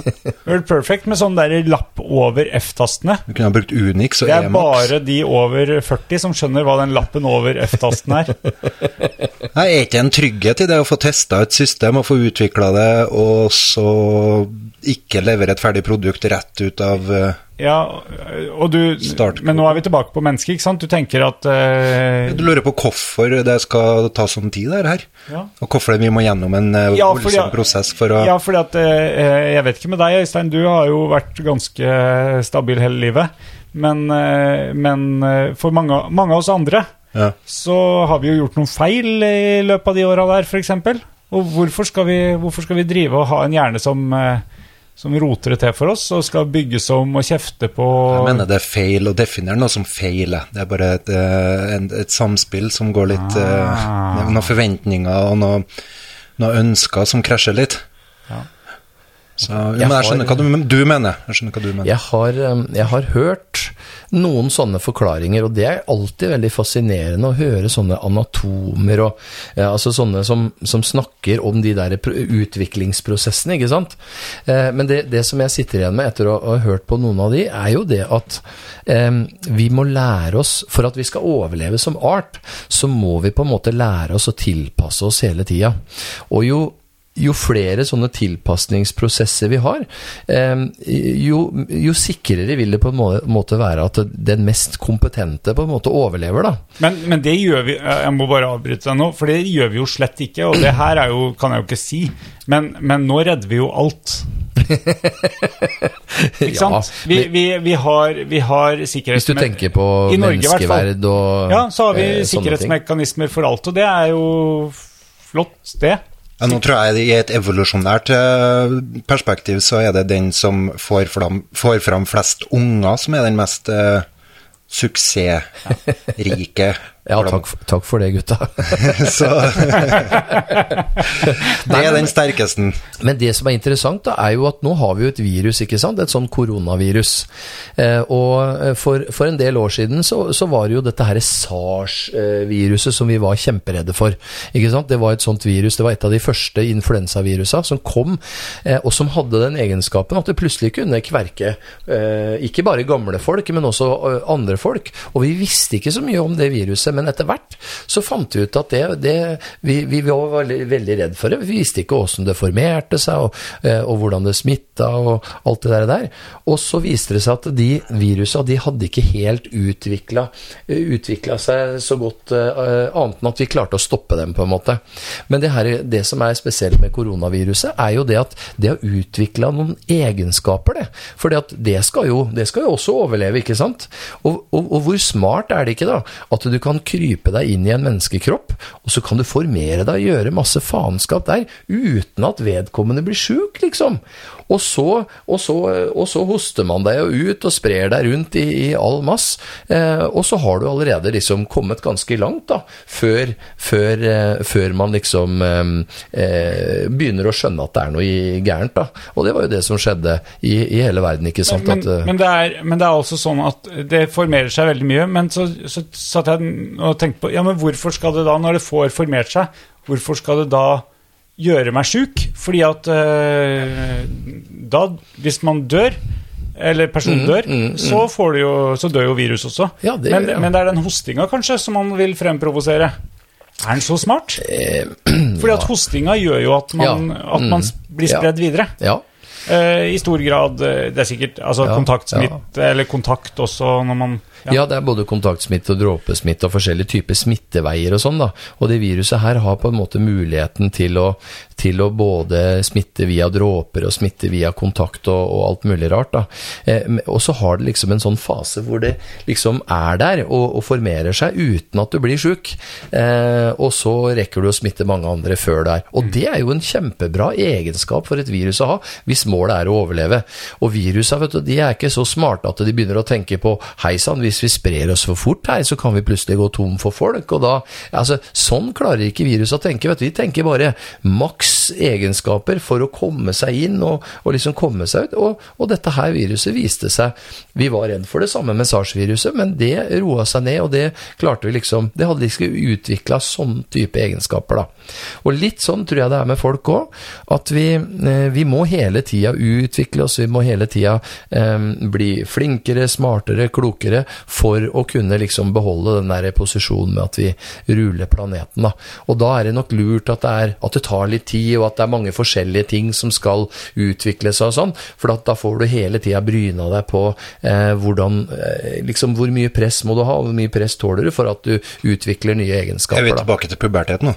For Ja, har, vi liksom sagt, litt- har vi sagt pubertet? Har vi nevnt Ja, det nå? ja jeg gjorde det mens du Ja, henta det kaffe. den, det var Ja. den puberteten, vet du, sånn i forhold til hvor, hvor, hvor, Hvorfor tar det så lang tid? Hvorfor tar det så lang tid? Hvorfor, skal vi, hvorfor kunne vi ikke bare gjort oss ferdig med dette her allerede da vi var små, Da har vi liksom? datt ut de firemeterne. Ja, men Det er jo noen veldig smarte mekanismer som settes i gang, også, at vi blir litt mer eh, risikovillig, søker spenning. Alt Ja. det der er jo veldig smart når du nærmer deg kvinner, tenker jeg, for Ja. menn. Ja. Og for å formere deg. fortell Øystein. Ja, Nei, men for å skaffe deg et kvinnfolk og, for å, for, og som du skal formere deg med, så må du jo kunne heve deg i flokken din. Du må vise deg som en eh, ikke for risikovillig mann, antageligvis, Nei. for det vil vel ikke være noe bra. Det, de kan nok noen, eh, og der er jo kvinner litt forskjellige òg, noen lar seg sjarmere, eh, og, og, så- og, så- eh, og så kan jo det gå gærent òg, hvis du er litt for risikovillig, selvfølgelig. Så det, Det- er jo den der balansegangen, vet du, du må bryne deg hele Det tida. er sånn evolusjonært eh, perspektiv på det, sånn illustrert Ja. vitenskap-perspektiv. Tar dere det noe mye inn i det her psykiatrien deres? Ja, men det er, jo, det er jo litt sånn eh, Det er jo litt sånn man tenker òg, at det, ting utvikler seg, og at det er Det vil alltid være et press der, og så spørs det hvor mye press tåler du da, før du liksom knekker, da. Ja. Eh, og, og sånn tenker man egentlig om eh, både vanlige sykdommer og om eh, psykiske sykdommer, egentlig. Ja. så vi har det med oss inn, ja. Jeg er ikke sikker på om jeg er så glad i det. Eh, Den der perspektivet med å huske på at vi har det samme systemet som vi hadde for en million år siden når vi var på steppene, eller hva vi skal kalle det. Og jager rundt i stammer. Jeg tenker vi er litt mer bevisst enn som så. Jeg tenker vi, det, er en, eh, det er litt den samme som når vi går ned til spedbarnet og ser på de her enkle, primære rød-grønn-blå følelse. Jeg tror vi er litt mer kompleks. Vi er jo det, da. Men så rives vi og slites samtidig av det her at vi er et organisk vesen Ja. som I stadig utvikling. i stadig utvikling, Ja. som styres. Og da kan jeg ta den her tilbake til samspill, kan ikke jeg det? Jo. For da har vi fått til et samspill med denne ungen vår og vært eh, good enough parenting og alt det Ja, der. akkurat. Så har vi noen forventninger når ungen vår reagerer på et vis til at den skal reguleres, eller vi klarer å regulere den. Men så funker det plutselig ikke lenger, akkurat som før. Det, det, det, du klarer ikke å regulere følelser. Det, er, det, det virker som alt er en krise, eller et, små ting blir plutselig en kjempekrise. Og Vi er på ungdommen nå. nå er jeg på pubertet. Nå er vi på pubertet. Nå er Ja, jeg på det som er kalt inn begynte eh, jeg liksom eh, Ja. Sorry, det som Geir ble eh, kalt inn for her Jeg først og kalte inn. Geir for, først og fremst for å ta, ta, For- oss, ta oss av deg. Okay. Men det er greit. Du skal få litt av det som du ville ha også. Vikarierende motiv ja. Ja, Hvem av dere som er vikarer, det, det veit jeg ikke. Men dette her var en ganske interessant samtale da, i, for, i forhold til det. Men bare kjør på. Du skal, du skal Ja, for jeg tenker der er det sikkert noen smarte ting å ta med seg fra noen som har snakka med veldig mange som har hatt problemer med det der. Som eh, en kan, eh, som voksen ansvarlig og med gode intensjoner, eh, bruk og tenke over for å gjøre det her litt lettere for deg sjøl, for meg sjøl. nå, skal jeg ikke snakke om eh, Vi, trenger ikke å bli privat, tror jeg, for det her tror jeg ganske mange sliter med. allmennmenneskelige ting. Jeg tror ikke det. Ja, jo, Eller, er veldig ikke mye det. av det vi snakker om da, er jo allmennmenneskelig og mellommenneskelig, for å si det sånn. da. Akkurat det her er vel sånn som Altså, alle som får eh, barn, Mm. eh, de snakker jo om dette som at det er Ingen andre har opplevd det før. Ja, det ikke sant? sant. Proklamere hvordan fødsel og alt eh, var, og fortelle i detalj. Og så, og så er vi vel der, vi også, da, vi som har ungdommer, at vi snakker om det som at det er noe som, eh, som ingen andre har opplevd. Men eh, vi har jo beviselig eh, Geir her, som har Ja, Hatt noen igjennom. men, men det også er jo en, en del av overlevelsesmekanismen, det at vi blir så totalt begeistra, ikke sant, Eh, når vi når, Altså når kvinnen kjenner det begynner å vokse i magen, ikke sant. Det er en veldig spesiell følelse, og den er veldig spesiell fordi at det starter tilknytningsprosessen til barnet allerede der, ikke sant. Og det er jo tilknytning, er jo det fenomenet som mennesker har for å overleve som art, ikke sant. Hvis ikke vi hadde hatt tilknytning og tatt oss av eh, avkommet vårt, så hadde jo det gått gærent ganske fort. Så det at vi blir så opptatt av det, ikke sant, og at vi blir liksom Vi, vi, vi føler det som det er liksom noe helt nytt, eh, det, er, det er liksom litt sånn sammenlignbart med det, og, og det er en viktig prosess som gjør at vi, at vi tar oss av avkommet vårt. Vi er jo den dyrearten på jorda som tar oss aller best av avkommet vårt. Og så går jo den andre veien nå, ikke sant. Men der er det litt forskjellig hvor flinke vi er til å ta oss av foreldrene våre, da, ikke sant, når vi, når vi kommer dit. Men det blir jo en litt annen historie, da. Det der oksytocinet kommer inn, ikke sant? Ja, kanskje oksytocinet har litt med det å gjøre, men Nei, da der må, jeg, da må dere opplyse meg igjen. Der er ikke et hormon.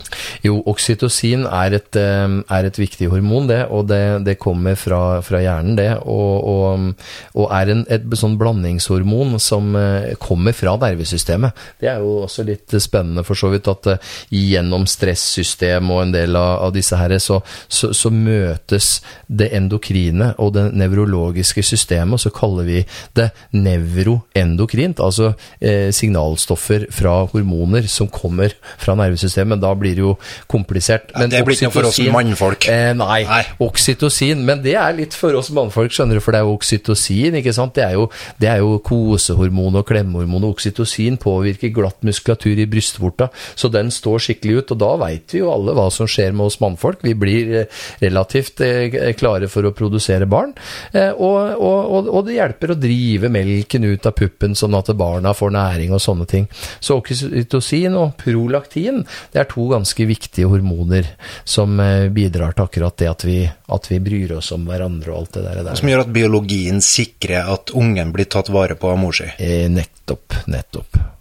For eksempel. Ja, for eksempel. ja. Nei, men ehm, Pål, jeg datt ut. Nei, jeg satt og lurte på fordi at Jeg prøvde å finne ut uh, hvem, hvem hva, hva var den her brystvorta? Nå, nå ble jeg litt satt ut av Var det på meg, eller var det på kvinnen? Den brystvorta som sto begge, ut. Oh, ja. begge. Men kvinner har jo mer uh, oksytocinnivå enn menn, og spesielt da, ikke sant. Her er det jo at naturen får jobba med å utvikle, ikke sant. Har utvikla kvinnen, som da i en viss periode har mye mer oksytocin tilgjengelig, og når de blir gravide, så vil jo morkaka begynne å påvirke resten av, av, av det nevroendokrine systemet, sånn at det igjen leverer som bare søren, og kan klippe av navlesnora, ikke sant, og likevel så begynner barn å puste, og du har masse sånne mekanismer som alt er liksom retta inn på overlevelse. nevroendokrine systemet leverer, var det det du sa? Ja, det leverer. Ja, for det er en fin hashtag. Altså, nå er det jo, nå er jo på, i, I dette været som er, så er jo det er en fin hashtag med været leverer, stranda leverer. Mm. Jeg syns det nevroendokrine systemet leverer. Det, Det, det er tittelen, det tror jeg. Kanskje det blir tittelen på den her. jeg er litt usikker, Øystein, fordi at uh, vi, vi, vi Ikke tabloid nok for. Nei, vi skal være tabloide her. Så kan være populærvitenskapelig, for Nei, vi skal ha pubertet med Geir Liang. Hår på tissen. Er ikke farlig. Jeg vet ikke. Hår i håndflatene tyder på ingenting. Ok, men det, det jeg prøvde Over til neste. Er det farlig med masturbasjon? Jeg har aldri eh, lest noe eller hørt noe om at det kan være farlig, men jeg hørte en gang om en, eh, om en eh, doktorgradsoppgave i Tyskland som, eh, som het 'Skader etter masturbasjon med støvsuger'. Så, eh, så, eh, så, så, så masturbere med støvsuger kan være litt skummelt. Det er så mye metall, vet du. Ja, og så er det, det er Skarpe noe med kanter. skarpe kanter og et bra sug der. Ja, ja. så kan eh, det kan bli for meget av det gode, altså. Så må du finne et munnstykke som passer, og hvis det ikke passer, så må du tilpasse, og så kommer foreldrene hjem. Dere vet nå hvordan det er, ikke sant? Ja, og så var, en, eh, så, var en, så var det noe så sjelden som en humoristisk tysker da, som hadde satt opp en, en liste over hva slags støvsugere det var farligst å masturbere. Ja, så ja, ja. Nå husker jeg ikke detaljene i den undersøkelsen, men jeg husker at jeg syns det var en ganske kul tittel. da. Den må vi Eh, linke til. Skader ved, ved masturbasjon med støvs, støvsuger. Men hvis du ikke bruker støvsuger, Ja. så er det nok ikke så farlig som mange religiøse mennesker vil ha det til. da. Nei, for det jeg er jo inne på en del eh, religiøse forum, for jeg liker jeg liker å ha kontroll på hva de diskuterer og hva de snakker om. Og det er et eh, spørsmål som stadig vekk kommer opp. Uh, er det her virkelig så farlig som mange hevder? Og nå kan vi på Bobkast i hvert fall si at ifølge legen Nei da, det går bra. Det ordner seg. Vær litt forsiktig med støvsugeren, og klikk dere inn på linken og sjekk om dere har rett støvsuger i så fall, om suget er stort. Du blir ikke blind. Uh, Og jeg vet ikke. ikke- får kanskje litt dårligere syn, men det kan opereres. Dårligere syn? Hæ, ja. Ja, ok. Ja. Nei, men det Det var du som sa jeg er blind. Ja, nei, jeg har hørt, jeg har hørt det, eh, at du kan bli blind. Du har hørt det, så klart. At du kan bli blind av masturbering? Ja, ja, ja. Da, da er må du skyte veldig feil, altså. Ok, ok, ok. Ja. Det er jo klart, hvis du holder på veldig, veldig veldig lenge og bygger opp det her presset, så skikkelig blå baller, og så ser du, ja, ser du nedover, og så skjer det noe, da skjer det noe, så treffer du bare poff! En skikkelig salt lading rett i ene øyet. Du, får, du blir ikke blind, da, men da får du sånne her eh, store øye... Sånn, hva heter det? Katar? Øyekatarr, ja. Ja, det må det være en av grunnene til hvorfor kvinner lever lenger, menn, lenger enn menn. fordi at de, de klarer jo aldri å få til sånne feilskudd Nei. som, som tar knekken på øya, liksom. Nei. Nei. O- Ok. Um, Det, det, det minner meg på at vi, vi har snakka altfor lite om kvinnelig onani. Eh, Men det må vi ta opp neste gang vi har en kvinne på besøk. det blir bare mannfolk på besøk fremover. Eh, men jeg prøvde egentlig før Geir tok fram brystvorter her, så hadde du et eller annet spørsmål og en, en tankerekke som du var på vei inn i, men det Ja, har kanskje vet. forsvunnet vekk fra Nei, det var det her med samspillet Ja. som jeg tenker er så komplekst, og eh, jeg liker det at eh, vi kan eh, få noe perspektiv på at det ikke er noe galt med ungen, men kanskje det er noe som må trenes litt, og at det ikke er noe biologisk eh, eller noe eh, etisk ondt. At uh, ungen ikke sitter på en egenskap som er ond, men at det rett og slett kan være samspillet som har vært litt uh, fucka opp igjennom uh, Av ulike grunner. Kan sikkert være én traumatisk hendelse òg. Uh, Og så er, er det genetikk. ja, genetikk òg. Mye av personligheten vår og temperamentet vårt, det er liksom nedarva. Jeg er ikke sikker på om jeg vet hva gener er. Nei, ikke sant. Gener er jo på en måte Det er, sånne, det er de som utvikler programvaren, på en måte. da. Eh, de som har koder, som, eh, som, eh, som lager byggesteiner, som utvikler seg til, til forskjellige typer egenskaper eller celler eller ting og tang i kroppen. Og, og, I DNA-et? I DNA-et, liksom. Og det er ganske mange av dem. Ja, altså vi har jo 46 eh, kromosomer, da, 23 kromosompar, og hvert kromosom er to sånne DNA-strenger. og hvis vi snurrer opp dem, da, så er jo eh, et gen er liksom et område på kromosomet som koder for, for, eh, for et bestemt protein, da. Ja. Eh, og da. Og da er det sånn at, at noen av de her eh, noen av de her egenskapene vi har som mennesker, de, eh, og spesielt hvis du kommer inn på den gutten som plutselig eh, vil sjekke om eh, fugleungen dør, om du vrir halsen om på den, eller stikker nåla i sau, øyet på sauen istedenfor å kose med den og sånn, så er det en ehm, så, så, så veit man litt om at det er, eh, det er en egenskap eh, i hjernen hvor, um, hvor du har på en måte ehm, litt for lite av de der eh, empatigenene, eller empatinervecellene, på en måte. Jeg er åpen for begge deler. Mm. Ja, jeg tror egentlig at eh, begge deler kan telle litt her, da. Ja. Og det er jo det som gjør at det blir litt komplisert å da Ja. forstå det. Men det her har de kartlagt. The Human Genome Project. Ja, det har de faktisk gjort. Og jeg, jeg snakka faktisk helt tilfeldig. altså Når du nevner det, så snakka jeg med en, eh, en fyr som var med på det prosjektet, eh, og som jobba i det firmaet som liksom eh, jo, eh, kartla de greiene. Han fortalte om at det skjedde helt spesielle ting da når de hadde den koden på plass. Så var det liksom Plutselig så bare eh, var det liksom Nei, alle må gå hjem med en gang. Og, og så var det noen prosesser hvor ting blei liksom flytta hit og dit. Og, og, og vips, så var alle sagt opp, og ingen fikk lov å si noe som helst. Og det var skikkelig eh, Der skjønte de at de eh, hadde, hadde potente saker, da. Ja, fordi at det her eh, Det Du, de kan bygge mennesker. I Ja, altså, teorien. ja, i teorien kan man jo faktisk det, da. er det gærent.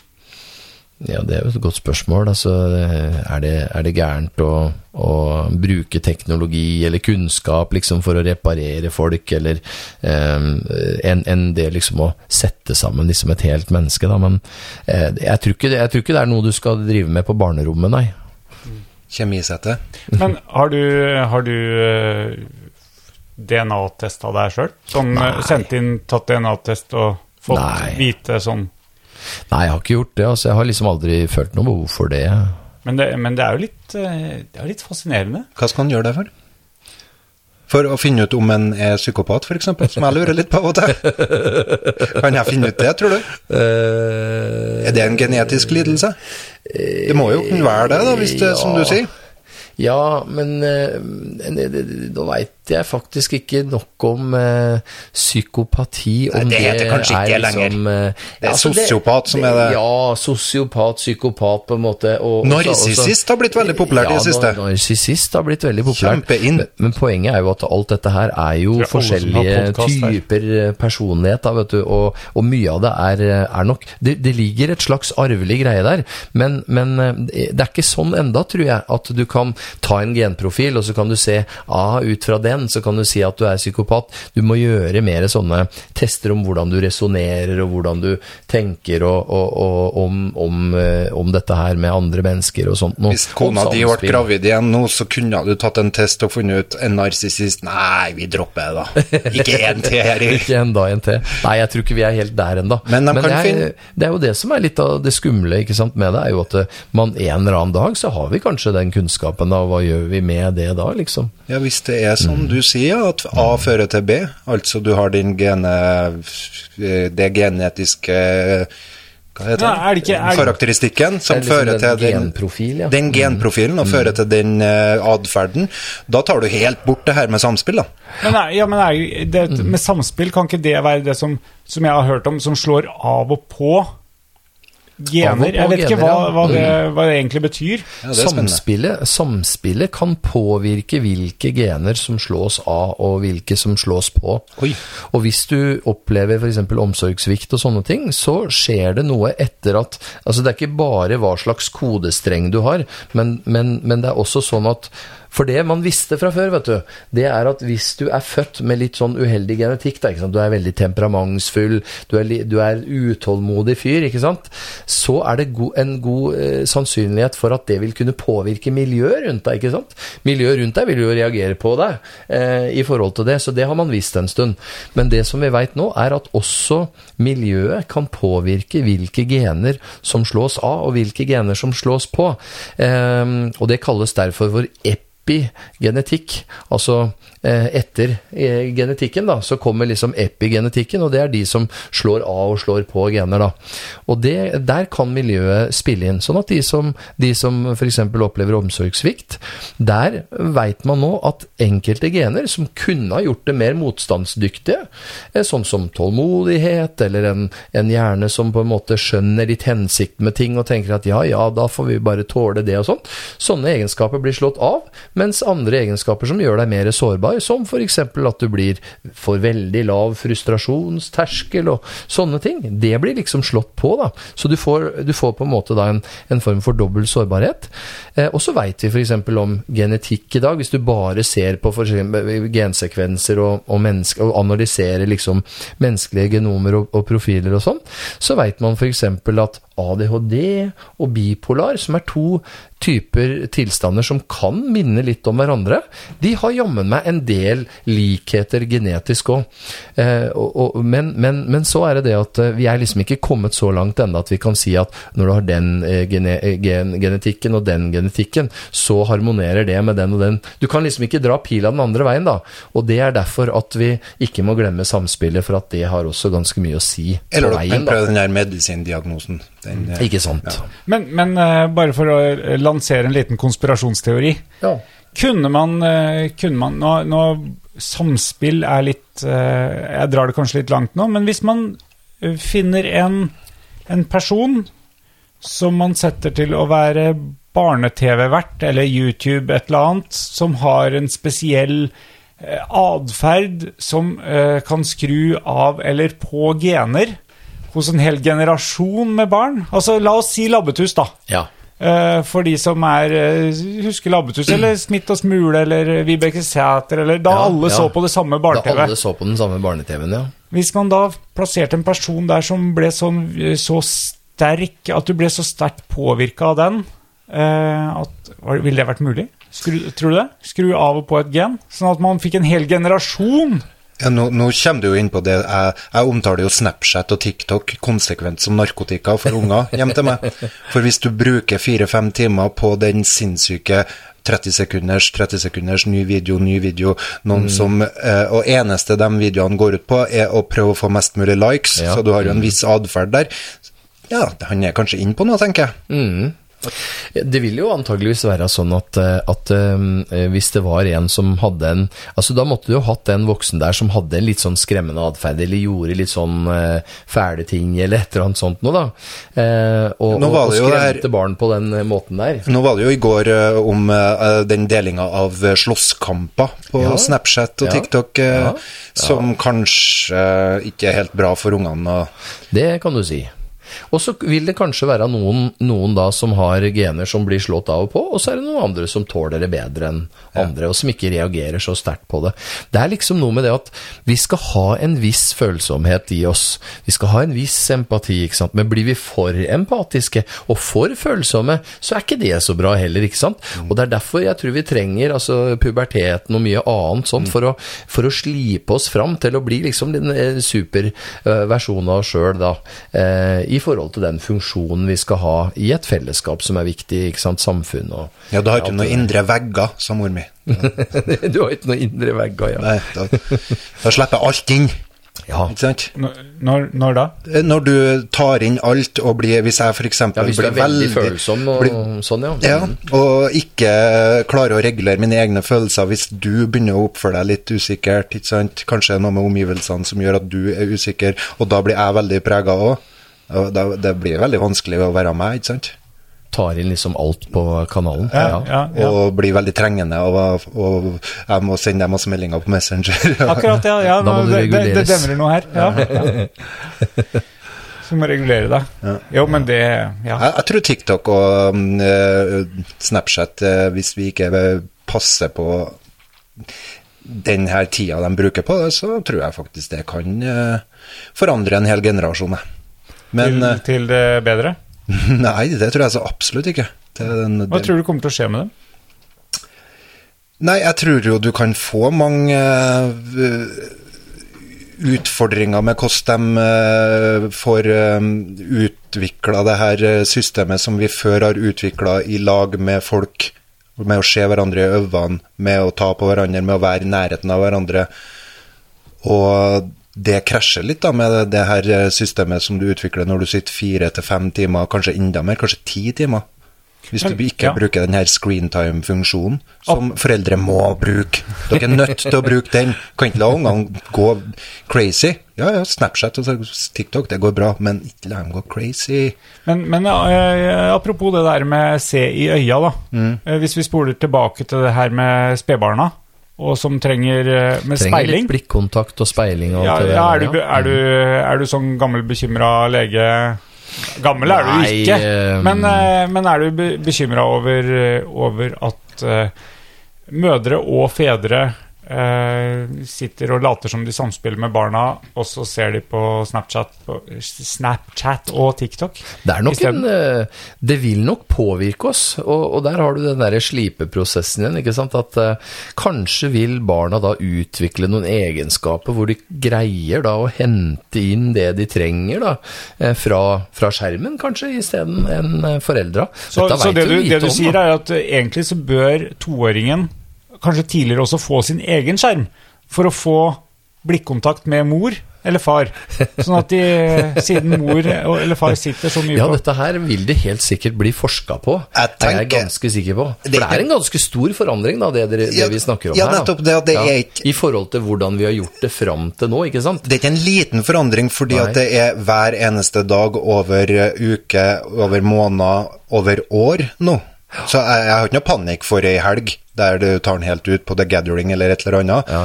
Men uh, vi snakker om ei ganske drastisk forandring av hvordan vi forholder oss til hverandre. I form av tekst, i form av talemeldinger, i form av å sitte og underholdes. Vi skal jo underholdes så mye nå til dags av, av eksterne ting. Det er veldig lite med å kjede seg. Ja. Tror du det er sunt å kjede seg? Jeg tror jo det, da. Jeg tror vi har um, Vi, vi, vi, er, en, vi er liksom en, en, en kropp og en sjel, og vi, og trenger liksom litt sånn pleie og utvikling for begge deler. Så jeg tror vi trenger variasjon. Jeg tror vi trenger liksom eh, Det sies jo mye også om f.eks. Jeg har uh, lest en bok som heter uh, 'Å lytte til hakkespetter', f.eks. Uh, den handler jo om naturen, og hvordan naturen påvirker oss. Og alle, alle har jo opplevd det at når, liksom, når vi får et bål, ikke sant sånn som Det var jo veldig stas i steinalderen, ikke sant. Da, da, da var jo bålet veldig viktig for oss, og vi samla oss rundt bålet, og da var vi trygge, ikke sant. Da var det sånn. Og når vi kommer ut i skauen og liksom får opp et bål, og, eh, og, og du liksom Du, du ser, du, du lukter du, Noen snakker om at trærne avgir gasser, ikke sant. Masse av dette her som er liksom sånn som vi egentlig er skapt, da. Så, eh, så jeg tror vi trenger Jeg tror vi trenger de tinga der. Hvis ikke så kan det jo hende at en periode, da, kanskje noen hundre år, så er vi litt svakelige og sykelige fordi at vi, vi får for lite mosjon, ikke sant. Vi sitter jo bare og ser på skjermen hele tida. Vi blir overvektige mer og mer. Nå er jo sju av ti nordmenn overvektige, ikke sant. Hva, Eh, hva mener agnostikeren med at eh, sånn vi egentlig er skapt? eh, og utvikla. Sånn som genene vil ha oss. ja, sånn som, sånn som det totale presset på en måte vil, vil ha oss, eh, og hvilke egenskaper som trengs. Men eh, nei da, så, så jeg tror det at, eh, at vi vil jo kanskje er det, kanskje er det sånn eh, at vi allerede nå begynner å merke litt sånn de første forskjellene av, eh, av den her livsstilen, med, med mye stillesitting, ikke sant. Vi har eh, en industri som produserer matvaren. Vi dytter masse sånn der bearbeida mat inn i et ganske finstemt maskineri, ikke sant. Og alt dette her kan jo, kan jo påvirke maskineriet, sånn at vi går på litt sånn feil oktan. Og, eh, og så ser vi liksom at eh, eh, mange sykdommer som har med livsstilen vår å gjøre, ikke sant, og øker veldig nå. Eh, økt blodtrykk, ikke sant. Eh, før så het det jo aldersdiabetes, for det var bare gamlinger som fikk det, etter at de hadde utvikla seg lenge med feil eh, oktan på tanken, ikke sant. Også, og, og nå er det jo liksom 30-åringer som får diabetes 2 og sånn, ikke sant. Så det er jo noen tegn på flere og flere får kreftsykdommer. Hvorfor det, liksom? Så, så det er jo en del faresignaler der ute om at vi, um, om at vi kanskje er i ferd med å begynne å blø, da. Av at vi får for lite kontakt og for lite trøst og for lite oppmerksomhet som vi trenger, og ikke minst at vi rører oss altfor lite da når vi er på skjerm hele tida. Det kan jo være grunn til å tro at vi er tuna litt på det her med å være sammen, og være sammen med natur. Vi har Ja. holdt på med det noen år. Og hjernen den, jo, den utvikler seg jo hele tida, og den er bruksavhengig. Så jo mer vi bruker den, jo, jo bedre blir den, og jo flinkere blir den, på en måte. Og det som eh, Anders Hansen har skrevet i boka som heter Hjernesterk, det er jo det at jo mer vi er i fysisk aktivitet, jo mer utvikler hjernen seg. Det er ingenting som er mer utviklende for hjernen, eh, kanskje med unntak da av Stern og samspillsteorien hans, så er det liksom det med fysisk aktivitet. altså det, det, det er veldig viktig for hjernen. Så, så vi er nok eh, vi, vi, vi, må snart begynne å passe oss litt, eh, for vi veit jo det at genene, genene våre de, de endrer seg ikke på langt nær så fort som samfunnet rundt oss endrer seg nå. Eh, Og hvordan det skal gå, det, det, det veit jo, jo ikke ennå. Nei, jeg er ikke noen dommedagsprofet. Jeg- Jo, kjør på. Nei, men Ja, det, er kom ikke, det er ikke synden jeg tenker på her, med, eller det syndige med å sitte og se på slåsskamper på Snapchat, men jeg tenker på eh, nøkkelordet ditt, variasjon. Den, Ja. den tror jeg veldig på. Ja. At vi må variere hva vi gjør i løpet av de eh, ca. 16 timene vi er våken i løpet av en dag. Hva vi gjør, og det må vi prøve å få inn noen rutiner på, og at det hjelper, faktisk. Ja, rutiner er faktisk ganske eh, Det er bra virkemiddel for å få til, for å få til ting. Altså små, små ting du bare Gode vaner du legger deg til, ikke sant. Det kan bety ganske mye. Ikke den første, første dagen, kanskje. Ikke den første uka heller. Du kan jo ta det å pusse tennene dine, f.eks. Eh, hvis, du, hvis du pusser tennene dine hver dag, eller ikke gjør det, så merker du ikke så mye forskjell etter en dag eller to. Eh, Ei uke eller to går faktisk også eh, bra, men eh, går det noe særlig lengre tid da? Så det er jo en av de der enkle vanene vi har som, eh, som kan være veldig lurt over tid, ikke sant? Og sånn finnes det jo masse andre gode vaner vi kunne hatt. Og de vanene færer jo kanskje litt eh, over bord eh, i den eh, ungdomstida, men de de sitter litt i ryggmargen, og så vet du at det er noe du skulle ha gjort når du ikke pusser tennene. Det, det, er litt, det er en bra vane å Det er ha. en bra vane å ha. Puss ja. Ja, og i hvert fall eh, en vane å vite at du skulle ha gjort det. det, det går bra Ja. om du ikke gjør det en dag eller to Ja. eller et par år. Ja. Det går kanskje ikke. da vil du få eh, trøbbel med å dra damer, vet du, hvis du, eh, hvis du ikke pusser tenna et par år. Ja, det er sant. Men det, det var ikke sånn før, antagelig. Nei. Nei, det er, De hadde jo ikke det noe de har lagt og- til seg. Det er, Ja. ja. det er noe de har lagt til seg, de damene nå de siste 50 åra, kanskje. 100 åra. At eh, de skulle ha karer som pusser tenna.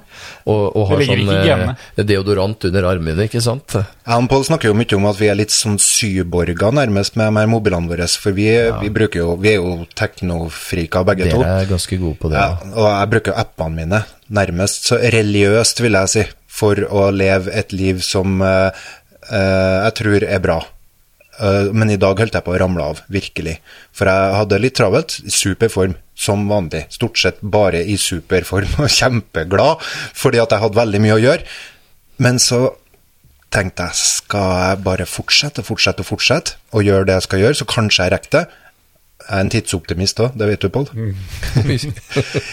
Eller skal jeg ta den her eh, Jeg har noe fysisk aktivitet inni i den her eh, rutineregimet mitt. Så da tenkte jeg på kort sikt så kan jeg bare fortsette å jobbe, fortsette å jobbe. Men på lang sikt så er det en slippery slope. Ja, Så, så det ble en tur i skogen med tab mens jeg gikk. og laga undervisningsopplegg mens jeg gikk. Altså, det, det ble en eh, artig eh, pre presentasjon der jeg leste inn eh, gradbøying av adjektiv i skogen med fuglekvitter bak. En vakker dag, den vakreste dagen. Superlativ. Ah. Mm. Men, men i forrige uke, så jeg sa jo etter at du og jeg var på hyttetur og laga Reisepodden, Ja. så var jo jeg dårlig uka etterpå, eh, og ble koronatesta jeg blitt, Oi, Geir. Og, oi, oi. Ja, ja, det var veldig artig. Det var såpass. Jeg jeg hadde ikke korona. Det var jo Jeg hadde bare litt vondt i halsen, og de ville teste meg. Det var greit. Ja. Og jeg fikk sånn stake ned i nesa, og det var kila. Det var kjempegøy. Ja, det var jo gøy. Men uh, det jeg For du skulle si flira, du. Ja, jeg holdt på å le meg. Det var faktisk holdt på å le meg i hjel. Uh, men den uka som jeg hadde vondt i halsen og sånn, så fikk jeg ikke løpt. Apropos fysisk aktivitet. Jeg har jo, jeg har jo et mål. Uh, nå er vi kommet godt ut i denne uka her. Heller ikke løpt. Så nå går det nedover. Ja, for du lager deg noen sånne psykiske Ja, det, det er tvangstanker, heter ja, det. ja, kanskje det gjør det. Ja, Heter det er- tvangstanker? Ja, det, Altså, det er litt det er et godt spørsmål, da. Hva, er, hva er en hensiktsmessig eh, vanetanke? Den ville du neppe kalle en tvangstanke. Ah. Men en tanke som kommer, eh, og kommer ofte, og som du bruker mye tid på å tenke om og rundt, kan eh, bli plagsom, og, da, eh, og kan, kan påvirke hverdagsfunksjonen din, og da kaller vi det eh, tvangstanker. Ja, ja, fordi at eh, jeg har satt meg et mål om å løpe 15 km i uka i år, i snitt. Oi! Og det er klart, når jeg ikke løp forrige uke, og ikke har løpt ennå denne uka, så baller det på seg litt kilometer som jeg må ta igjen. Som du For jeg må ta igjen, tror, ja. Ja. Jeg, jeg har ikke tørt å sjekke, men jeg tror jeg ligger etter skjema Ja, til nå- i år. Ikke Ja. så mye etter, men litt. Og nå har jeg da dratt på meg, hvis jeg ikke løper denne uka her heller, så har jeg dratt på meg 30 km, Ja. som jeg må spre utover Ja. videre. Pluss Ja. at jeg må ta igjen det andre. Uh, og, og når jeg så hender det jo ganske ofte også at jeg har løpt kanskje en 10-12 km i løpet av uka, og så kommer vi til søndag, så må jeg i hvert fall få tatt igjen Det, det er for, en, for øvrig en veldig fin ting, for da løper jeg gjerne prosesser omkring det her. Ja, ja, ja, da, ja, ja. da må jeg, da, Hvis jeg løper en 11-12, så løper jeg jo ikke bare en 3-4 km. Så da blir det gjerne en 7-8 km, og da, da får jeg en pluss. Da får du pluss, vet du. Det er jo veldig bra. Ja, det må være greit. Eh, men jeg, ja, som Øystein sier, en del tanker rundt det her, og en del det som, er, det som er dumt med å ha satt seg det målet, for min del, Ja. er at jeg blir jo litt eh, Det betyr litt for meg. Ja, nettopp. Så jeg blir litt eh, dårlig humør. Du er en sånn måle, målretta person. Eh, ja, Ja. Eh, det kan du si. Og så blir du litt dårlig humør, sier du ja? Ja, for at han har et behov, da, vet du, for å, og det her behovet må fylles, men det er jo umulig for omverdenen å forstå behovet hans med å fylle de 15 km i uka. At det skal prioriteres foran f.eks. Ja, hva kan det gå utover? Eh, nei, i hvert fall ikke bobkast, for jeg sitter jo her nå. Eller påvirker det kun humøret? Sånn at du da eh, starter noe som kan bli en konflikt, der du reagerer litt feil til ungen din i pubertet, som da oppfatter deg Så har du en konflikt på gang, eller Nei. klarer du å som, regulere det? det høres ut som en stress, dette her, da. Eh. Fordi at det er jo veldig greit hvis du er liksom i, Ja. i starten av året, ikke sant. De første to-tre dagene, om det går litt dårlig da, så veit du at du har jo 360 dager igjen. Det er jo bare liksom 100 meter ekstra per dag, så har du jo det i boks. Men det er klart, når du begynner å komme deg ut i eh, desember og gjøre opp regnskapet da, og ser at du ligger eh, 300 km Oh. liksom etter, etter skjema, da har du litt kortere tid å gjøre det på. Så, eh, så her er mitt forslag. Ikke sant? Ta bare og, og, og, og, pass på at du, du, eh, du deler det der antall kilometer på de dagene som er igjen, og så gjør du bare bitte lite grann mer eh, resten av, resten av året. Da er det jo ikke noe stress. Jo, men utfordringa er jo at jeg har ikke helt turt å regne ut. Og så vet jeg jo at jeg kommer til juli nå, Ja, og ferie. Jeg skal fire uker på ferie. ja. Jeg kommer til å pakke med meg joggeskoa. ja, da kan du løpe hver dag. Du kan Ja, ta igjen men masse. gjør jeg det? Men gjør du det, Ja. For jeg har mye På ferie da skal jeg drikke mye kaffe, spise mange Ja. sjokoladebiter på trappa, kikke på utsikten. Ja, det er eh, sant, ja. Klatre opp på eh, det fjellet som jeg og Øystein Ja. var og kikka på midnattssola for to, Åh. to helger sia. Jeg så et bilde av det, det var helt fantastisk. Jeg skjønner at du gjerne vil prioritere det. Ja, da, men så, så havner jeg i bakleksa enda mer. Ja. Og, og hvis vi tar fire uker, da er det brått eh, Nå må jeg regne her. Ja. Da er det brått eh, 60 km som jeg skal ta igjen. Og for de som løper maraton, så er jo det ingenting. Men, eh, men noe særlig mer enn eh, Noe særlig mer enn 15 km i uka, det rekker jeg ikke, altså. Nei. Nei. Da da har jeg lært noe i siste, for det, det, Jeg kommer ikke til å sette meg et sånt mål for 2021, men nå har jeg satt det for 2020, og kanskje Du du er så målbevisst at, du, at du, du må liksom gjennomføre det, du, da. Jeg må det, skjønner du. Ja, ja nettopp. Kan vi kalle det pliktoppfyllende?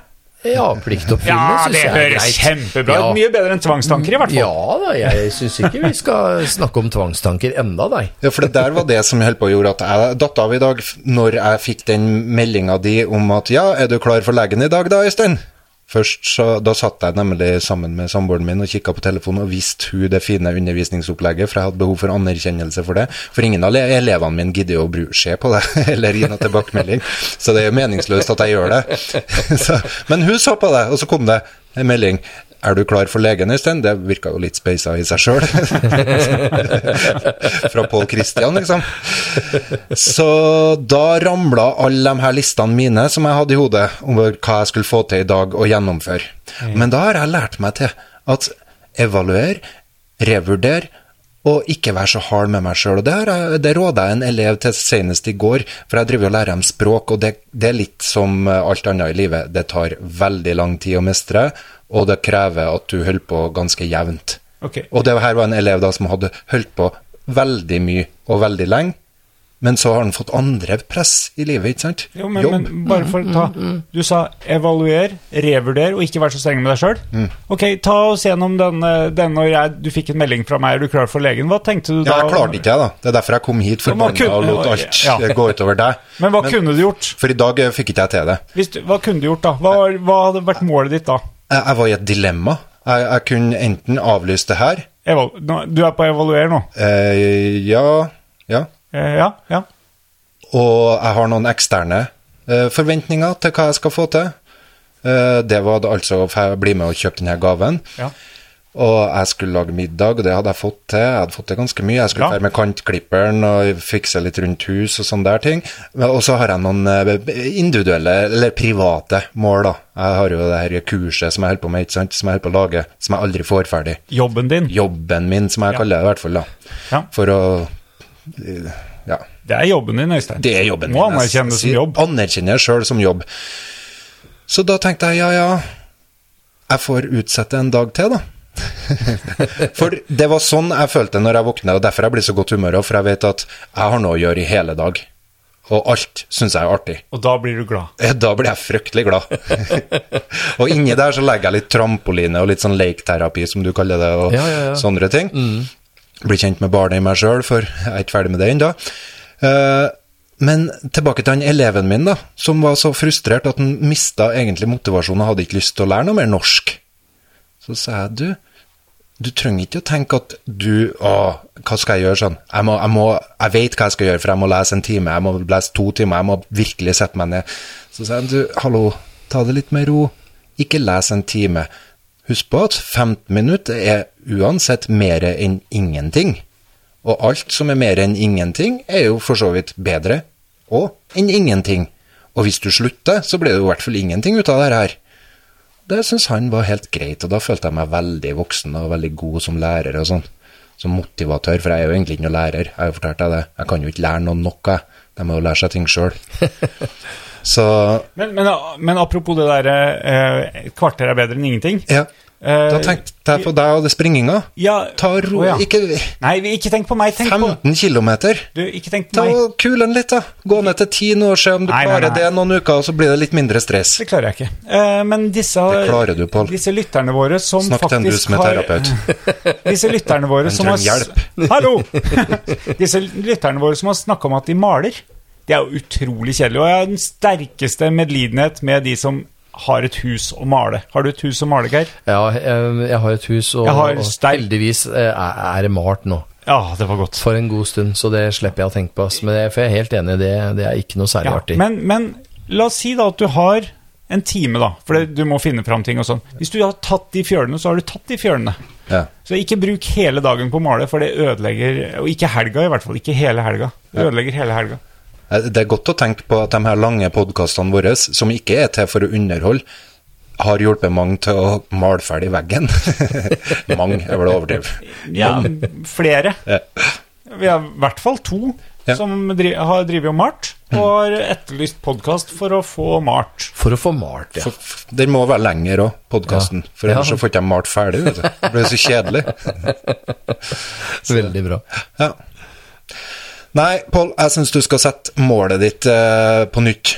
Eh, revurder, evaluer og gå ned litt, og så kjenn den her eh, gleden igjen. For det er jo gleden med aktiviteten. Jeg skjønner at du har et fysisk eh, mål òg. Altså, du satte jo det her målet i diskusjon med meg en gang. Du spekulerte på om skal jeg si 10 km. Jeg lurer på, Øystein, om jeg skal gå opp til 15. Det er litt hardt, altså. Husker du det? Ja, nå demrer det nå. Ja. Ja. Så en eller annen gang så Så det var, det jo det var du? Nei, det var en mulighet for deg en gang å si ti, og fortsatt være lykkelig og ikke stressa. Og du må gå litt tilbake til den, tenker jeg. Gå ned tilbake til ti, og så slipper du det der at det bygger seg opp. For at det er det som er det vanskelige, da. At hvis du har for mange planer og for mange lister, så bygger det seg bare på og bygger seg bare på. Jeg hadde en periode der jeg ikke klarte å gå inn på nettbanken. Oi. Fordi at jeg skulle jo hvis, Når jeg går inn på den, Jeg liker å ha full kontroll på økonomien min.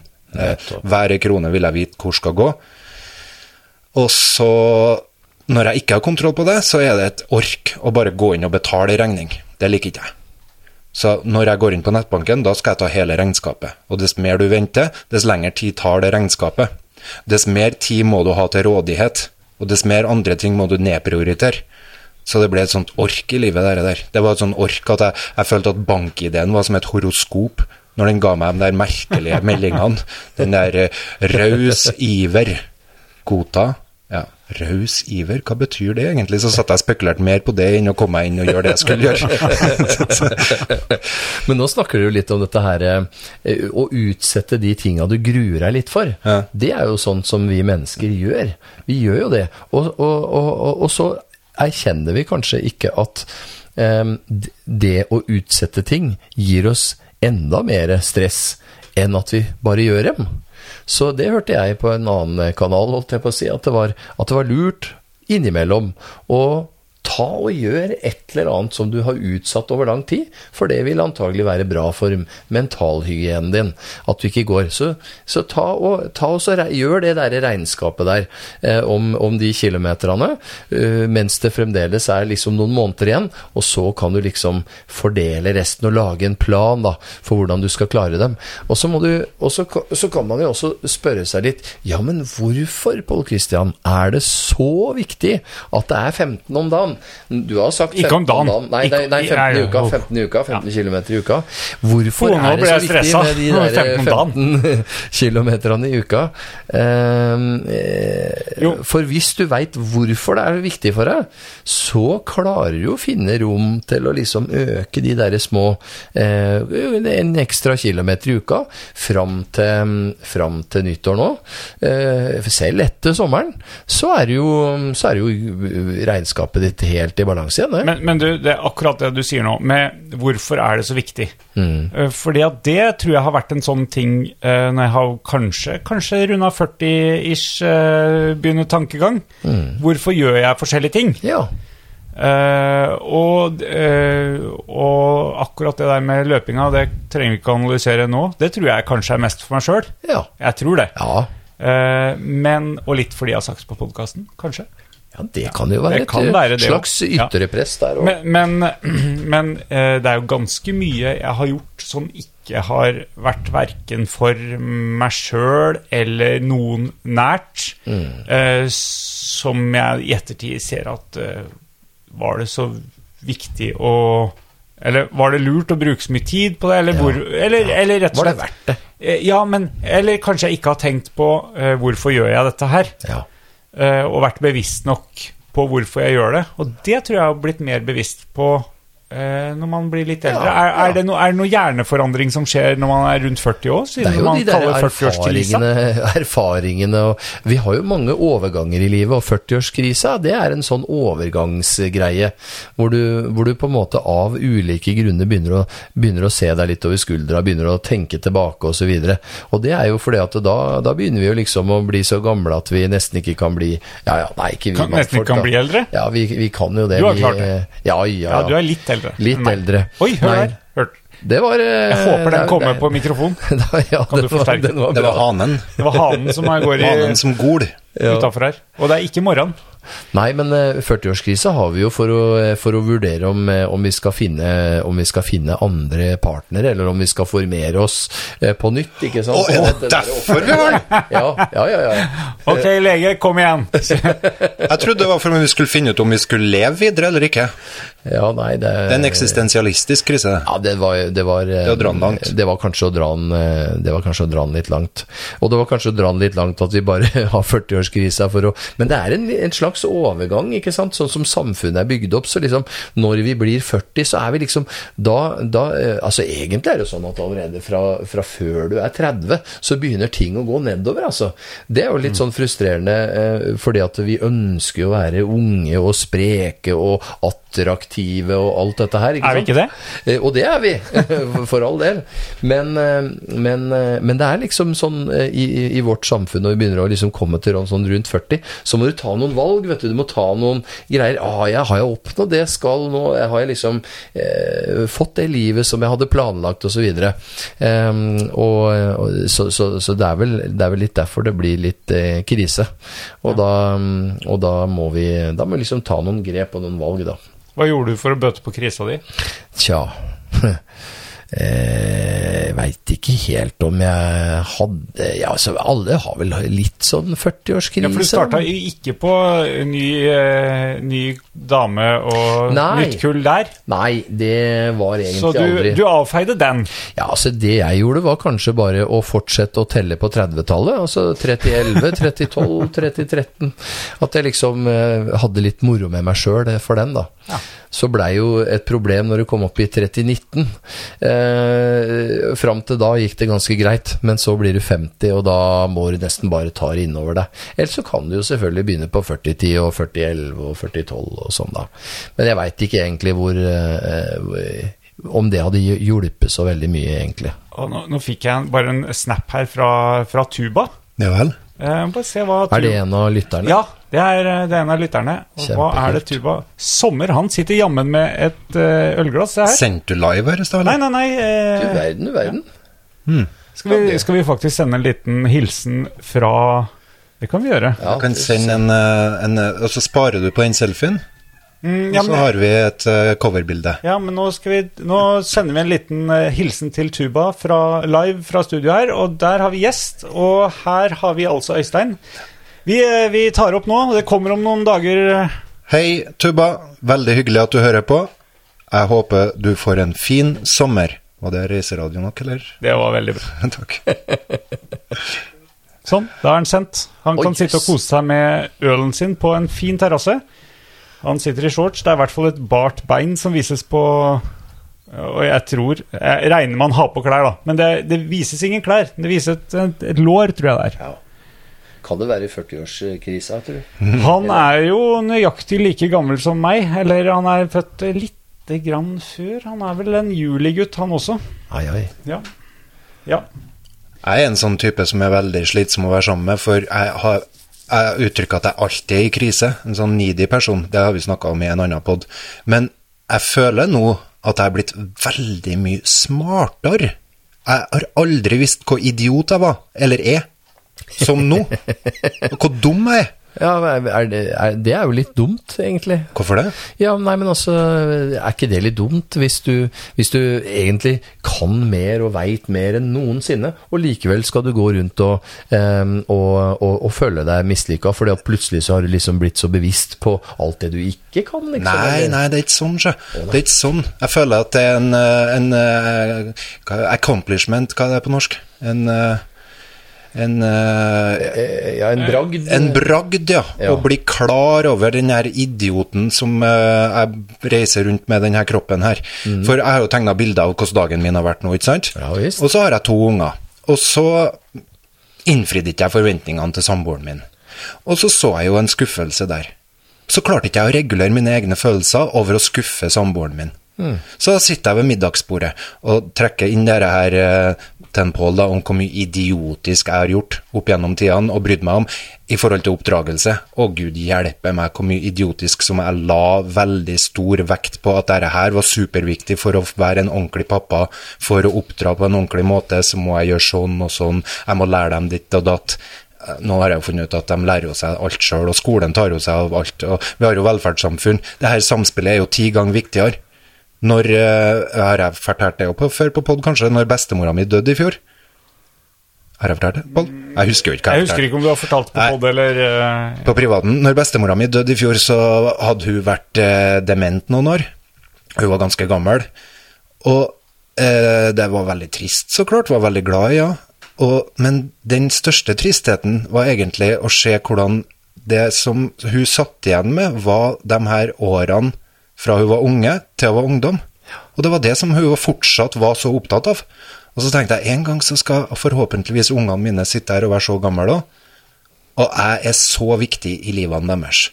Og det er ikke på en sånn egoistisk måte jeg tenker at jeg er så viktig, da. For jeg kan jo da være veldig negativ faktor i livene deres. Men jeg er en stor faktor i livene deres. Så hvis ikke jeg gjør noe med denne idioten og prøver å eh, arrestere den og gjøre noe med det, så er det plutselig for sent om en fem-seks år. For da har de kommet videre, og da er jeg den viktige faktoren som var negativ i livet deres. Helt til de blir 95, forhåpentligvis. Eller de blir 100 òg. Men det, eh, ja, skal vi gå videre på den med middagsbordet, ja. For da hadde ikke jeg takla ikke helt det der å se at eh, jeg ikke innfridde forventningene til samboeren min. Og da begynte jeg plutselig å irritere meg over at de kom for sent til middagen, som jeg hadde lyktes med å lage potet, mos, hjemmelaga, er kjøttkaker, salat med dressing, alt var ordna, dekka på ti minutter før, alt. Og så kommer ikke de tidsnok, ikke sant? Og den nye meg skal ikke bry seg om sånne ting. Skal ikke begynne å Det er jo ikke noe oppdragelse i det, det var sommer og flott, og de var ute og hadde det bra. Men den, meg, den idioten meg begynte å kjefte på det, ikke sant? Ikke kjefte sånn ikke, Det er ikke noe barnevern, ta det med ro. Jeg er ganske åpen på den poden her, så Så da ville barnevernet vært der for lengst? Ja. Nei, altså Og så tenker jeg Så komplekst er det altså. Hvordan i alle dager skal de forstå den gangen fra jeg våkner om morgenen, superhappy, har ei liste med alt mulig rart jeg skal gjøre, til jeg sitter der på middagsbordet og kjefter det på dem for at de kom for sent til middagen og ikke respekterer middagen. Det har jo ingenting med middagen å gjøre! Det har jo med alt det andre som skjedde i løpet av den dagen der å gjøre, ikke sant? Men det er viktig å være litt klar over sånt, og bevisst over sånt. Og, Så det er det jeg jo- mener med klar over. Ja, med ja. det, det er Ja. smartheter i det, Det her. er en, det er en bra Bevissthet. En bra bevissthet og smarthet eh, i det, da. Ja. Så hvis jeg lot dette her gå eh, mye lenger, da, uten å ta tak i denne idioten, så skulle ungene mine kunne ha blitt, fått utvikla noen eh, mønster, dem òg, som ikke er helt bra. Ja, eh, det, det, er jo, det er jo litt interessant fordi at vi, vi mennesker vi har en tendens til å avspille våre relasjonelle erfaringer, sier, eh, sier de som har greie på det. Eh, Og det betyr jo at eh, det vi, det vi lærer, måten vi blir behandla på sjøl, er noe vi tar med oss videre i livet. Og så må vi, som du sier, eh, hvis vi ikke liker det, den måten å være på, eh, så må vi jo på et eller annet tidspunkt ta tak i idioten eh, og tenke over det, og, bestemme seg for at vi, akkurat som du bestemte deg for de 15 km i uka, så bestemte du deg for at eh, den idioten der, han liker vi ikke, så han skal vi endre på, ikke sant? Og da må man tenke gjennom først, hvor, kommer egentlig det fra? Og hvor, hvorfor blei det sånn? Er det sånn jeg blir hver gang? Og så kan du bestemme, sånn vil jeg ikke være lenger, ikke sant? Så kan du gjøre noe med det.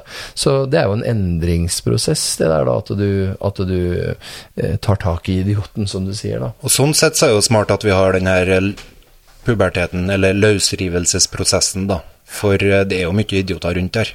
Og kjære meg, det er bra at eh, de idiotene klarer å holde liv i ungene sine, for det gjør vi jo stort sett. Ja. Vi klarer å gi dem eh, hus og næring, og det går som regel ganske bra. Men eh, det er bra for systemet at det løsriver seg òg, tenker jeg.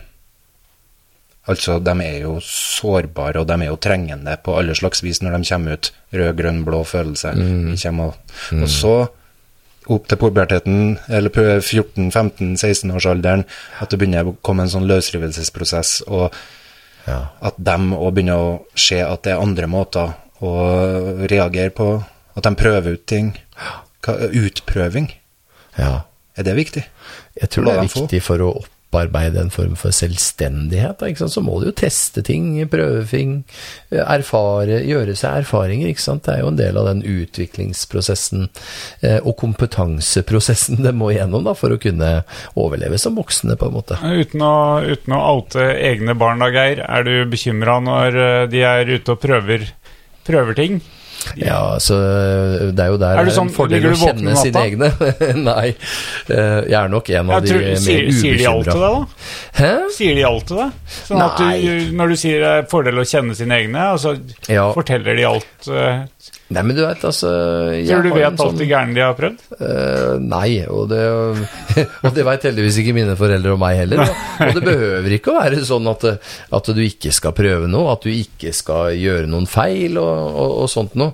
Så det må de bare få lov til. Og så, er det klart at eh, hvis du, har, eh, hvis du har unger som er veldig nysgjerrige eller veldig impulsive eller eh, altså, altså veldig spontane, da, ikke sant? Som, som gjør ting og sier ting før de rekker å tenke seg om og sånn, så er det klart eh, Eller vågal, som vi var inne på tidligere i sendinga, så er det klart at da ville jeg kanskje vært litt mer nervøs eh, for det.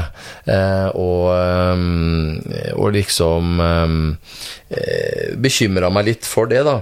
Men, eh, men eh, erfaringa mi eh, sier meg at selv om de får litt tillit og, og, og skal ut og gjøre ting for seg sjøl og alt det greiene der, så, så, så går det stort sett bra. Det er jo det, da. vet Til nå har det gått bra. Ja, det er liksom erfaring her at det går stort sett greit. Og der, der er jo noen som er flinkere til å se for seg, eh, og der utfyller vi jo hverandre som team, vet du, mann og, og hustru, eller altså e- ektefelle, uansett hvilket kjønn det er, osv. Så, videre.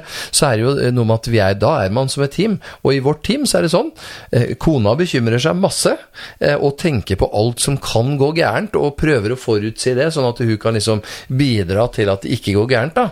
Mens jeg tenker at nei, det går stort sett bra, og det skal mye til at det går så gærent, og da slipper jeg å bekymre meg om det, liksom. Ja, Du slipper å bekymre deg, Ja. men det høres jo ganske slitsomt ut for uh, den Ja, andre parten, da, som er bekymra og ikke får noe støtte. Nei, da Nei, ordner seg. Vi har, vi har fem stykker. Litt svinn Ja, i store bedrifter. Nei da, det er jo ikke sånn det, er ikke sånn det blir, men, men, eh, men det kan jo være f.eks. at, eh, at eh, på en måte, da, så, så påvirker hun meg litt noen ganger, ikke sant? Sånn at jeg kanskje blir litt bekymra. Og andre ganger, og det er kanskje oftere, at, eh, at, eh, at hun bekymrer seg. Og så får hun hjelp av meg til å kvitte seg med den bekymringa, for da har jeg alltid noen gode grunner til hvorfor det går bra, ikke sant? Ja, ja, ja. Og, så, og da blir hun litt roligere, ikke sant? Og så, og så, og så funker teamet litt sånn Sånn på plass. Sånn som jeg kjenner deg, så har du mange gode grunner til at ting skal gå bra. Ja, det er nettopp det. Og, det. og det er jeg glad for at jeg på en måte har. For jeg syns det høres veldig slitsomt ut å drive og bekymre seg for ting hele tida, liksom. Av og til er det berettiga, og da skal man bekymre seg litt. Eh, Men, eh, men stort sett så går det bra. Ja. Men de som kommer i kontakt med deg profesjonelt, de har vel antageligvis litt uh, Da litt kan det nok være det- litt mer å bekymre Da seg er det for. noe å bekymre seg for, tenker Ja, jeg. ja. Men ka- kan det være et sånt perspektiv på det òg, at de har en eh, pappa som kanskje har litt uh, verre ting enn det å kantklippe plener og mm, kanskje oppføre seg på en måte som ble litt vanskelig? Ja, det er jo en av de... Det er større tinga- idioter enn meg ute der, det er jeg sikker på. Ja, det er helt sikkert. Og det er med større grunn til å være idioter. Ja.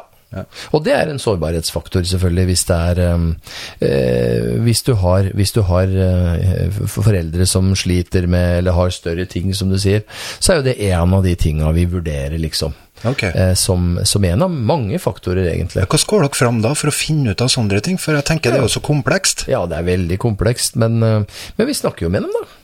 Vi snakker med foreldra, vi snakker med barnet, vi hører barnets historie, vi hører foreldrenes historie, hvordan foreldrene eh, oppfatter barnet sitt. Eh, og, og så kan vi matche om det stemmer bra overens. Og hvis vi er litt usikre, så kan vi jo snakke med barnehagefolka, eh, ikke sant, og skolefolka, og så setter vi liksom sammen hvordan, eh, historien om hvordan eh, dette her har utvikla seg. Og så finner vi ut er det en vesentlig faktor eller ikke. Vi kaller jo det der derfor opprettholdende faktorer. da.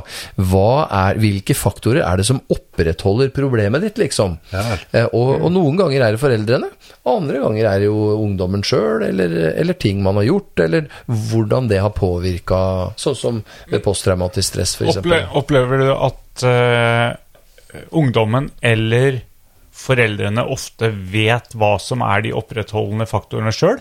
Ja, Ja, men det er Ja. kanskje vanskelig å gjøre noe med det? Ja, Eller? eller, eller at de kanskje ikke er eh, Altså at de bare har noen tanker om at kanskje er det sånn, og så viser det seg det at når vi undersøker og setter sammen Det er nesten som en sånn puslespill, ikke sant, at du får Mm. opplysninger fra flere hold, og så setter du litt sammen, og, og så må du vurdere ja, hvor mye hold er det i de opplysningene, hvor riktig er de opplysningene, og hvordan stemmer alt dette her overens med hverandre. Og veldig ofte så er det sånn at enten ungdommen eller foreldrene, eller kanskje begge, begge parter, eh, kjenner egentlig seg sjøl ganske godt. Helsekompetanse er et sånt begrep på det greiene der, og, og, og jeg tror vi kommer til å høre mer om helsekompetanse framover, og at det blir mer og mer vanlig at eh, Det er jo liksom det der med legene som blir revet ned fra pidestallen, da.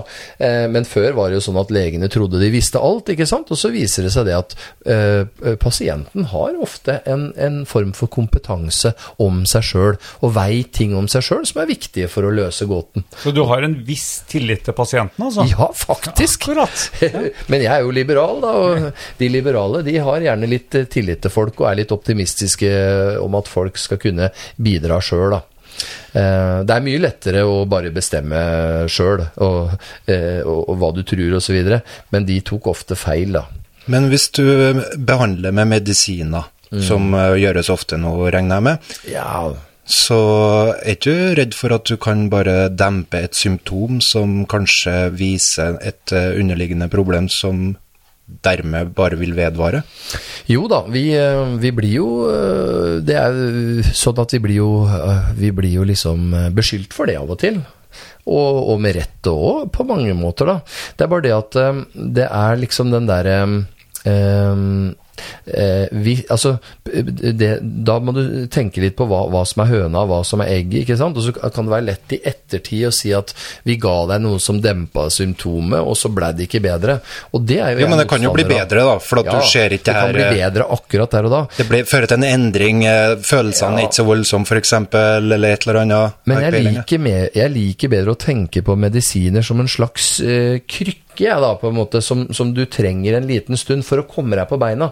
For hvis du kommer deg på beina, så bruker du musklene dine, og da er det liksom eh, Og da er du liksom eh, mer sjanse for at hvis, du, at hvis du bruker musklene dine og er kommet deg på beina, så er det lettere for deg på en måte å komme videre. Og så blir du så sterk i beina ikke sant, at du plutselig kan kaste krykkene dine, på en måte. Og så er det noe med det at Kan ikke en eh, diagnose være sånn, da? jo, men jeg tror nemlig at det som, det som har vært litt av problemet, og, som, og som gjør at man har rett i det, at du bare demper et symptom, og så kommer du ikke inn til det som virkelig er, eh, ligger bak det. det da, har vi gjort en, eh, da har vi gjort feil medisinering på feil grunnlag, og, eh, og, og, vi har på en måte glemt eh, at det ligger noe bak det, ikke sant? Ja, For diagnoser tar du jo med deg. Jeg tenkte, Diagnosen kan jo òg være en slags Depresjon, krykke. for eksempel, Ja. eller ADHD. Jeg er sånn fordi at jeg har ADHD. Ja. Det tar du med deg gjerne til du blir voksen, gjør du kan gjøre det, og så er det noen da som velger å, å bruke mm, diagnosen som en slags eh, sovepute, ikke sant? Altså, eh, og sier det at nei, jeg, jeg trenger ikke å anstrenge meg, jeg, fordi at jeg har ADHD. Og da gjør jeg bare Da klarer jeg bare ikke det, da, eller da, da, da kan jeg ikke gjøre det, da, osv. Men eh, en annen måte å se det på er jo f.eks. at du kan si at ja, ja, men hvis du har ADHD, så må du faktisk anstrenge deg litt mer enn mange andre, fordi at du, da sliter du litt med konsentrasjon, og da, og, da, og da må du faktisk kanskje jobbe litt hardere enn en del andre, da. Eller symptomene viste seg at det var pga. et uh, fucka samspill hjem til seg sjøl, der du, har, være. der du oppholder deg sju-åtte timer om dagen. Og, og, og, og det er jo sånt som vi, vi skal Da skal vi liksom kunne avsløre det, da, vet du. Enten gjennom at eh, Enten gjennom at ungdommen sier det, eller barnet sier det, da. Eller at de voksne oppfører seg på en måte som gjør at vi avslører at her er det noe som ikke eh, stemmer helt overens. Og så er det jo faktisk eh, også noen sånne tester da som kan gjøres, som sier noe om hvordan hjernen fungerer, og hvordan vi reagerer på det. Og, og som ofte, summen av alt dette her, da, så kan du som regel se et bilde, selv om du ikke har alle uh, puslespillbrikkene, så kan du liksom se et bilde likevel. da. Ja, nå har vi vært gjennom mange, vi har vært gjennom biologisk forklaring, vi har vært gjennom eh, ja, Samspillet, samspillet, epigenetikken ja, og du snakker om det her puslespillet og den eh, historien som dere prøver å danne dere. Det får meg til å tenke på det her med narrativ. Narrativ terapi, som er ganske populært. Psykiske lidelser som har blitt så populært i det siste. Ja, men narrativ det handler jo om å bruke historien og ta med seg liksom utvikling og historien. ja, for det som har skjedd, har jo skjedd. Ja. Og det er ikke så mye du kan gjøre med det. Nei. Så narrativ terapi prøver det å kanskje å ta litt tak i at eh, historien er den du har nå, den kan du faktisk gjøre noe med. Du kan gjøre noe om hva du tenker om det, ikke sant? og hvor Ja. mye du vil la det gå inn på deg. Og noen ganger så trenger du kanskje å gjennomgå historien for å få satt ting litt på plass, for å forstå bedre hvorfor blei du akkurat sånn, hvorfor blei du så lei deg eh, når noen sa sånne ting til deg, ikke sant. Og hvis du skjønner eh, historien og utviklinga, så, så, vet så skjønner du bedre hvorfor du blei sånn, da. Ja, For det her begrepet narrativ bruker vi jo i eh, nyhetene nå for tida. Det politiske narrativet. Og hva er forskjellen på et narrativ og historisk fakta? Ja, et narrativ er vel ehm, I psykiatrien, da, tenker jeg. Ja, et, i, i psykiatrien så er på en måte narrativet er eh, Når man bruker liksom dette narrativet, så er det liksom en, en historie, og hvordan historien har liksom blitt til en, en form for realitetsopplevelse, da. Altså sånn, sånn, sånn som det har blitt. Eh, nå eh, Jeg tror ikke jeg kan si så veldig mye mer enn det, altså. Hva var egentlig spørsmålet ditt?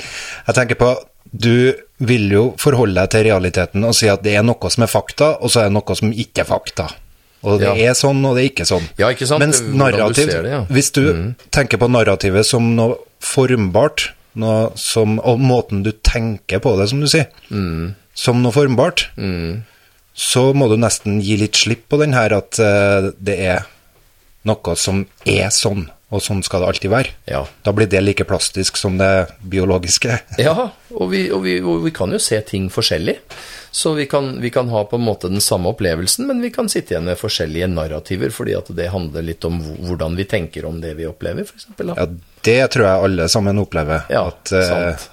fakta for meg er ikke fakta for deg, og sunn fornuft for meg er ikke sunn fornuft for deg, og folkeskikk for meg er ikke folkeskikk for deg. Altså Snakker om uh, dagens nyhet. dagens nyhet. Ja, Skulle de ha med folkeskikk, eller skulle de ikke? For å bare Det var ordensreglementet fra politikerne. Politikerstanden, det var deg, det? ikke? Ja, blant annet. Som skulle um, oh, det var- deilig å ikke bli tatt med i den Det var deg det, Geir! Det var du som skulle gjøre noe der, ja. Ja, vi skal, vi skal bedømme eller, de her ungdommene våre. Vi skal vurdere dem hele tida, noe som jeg syns er helt ufyselig. En ufyselig kultur for å hele tida skal vurdere folk i det hele tatt. Ja, det er sant. Vurdere hvordan de eh, klarer seg opp mot et mål. I mitt narrativ så er det ikke noe mål. Nei. Det, vi kan sette oss mål som en pål. Eh, For, å, for å se om vi kan få det litt bedre med oss sjøl, eller for å utvikle oss eh, fysisk. Mens hvis det er noe sånn mål på samfunnsnivå, så skal ikke bruke folk som formål for å nå det målet, tenker jeg da. I hvert fall ikke ungdommene våre. Nei. Nei, helt enig. Så der eh, Og så skal, vi, og så skal vi være litt forsiktige med at vi gjennom det så bruker vi jo definisjonsmakt. Nettopp. Og hvem har gitt oss egentlig den makta til å definere det, at det skal være så viktig, og det skal være en målsetning? Det skal vi ikke gjøre uten at vi tenker oss nøye om, da, vet du. Nei.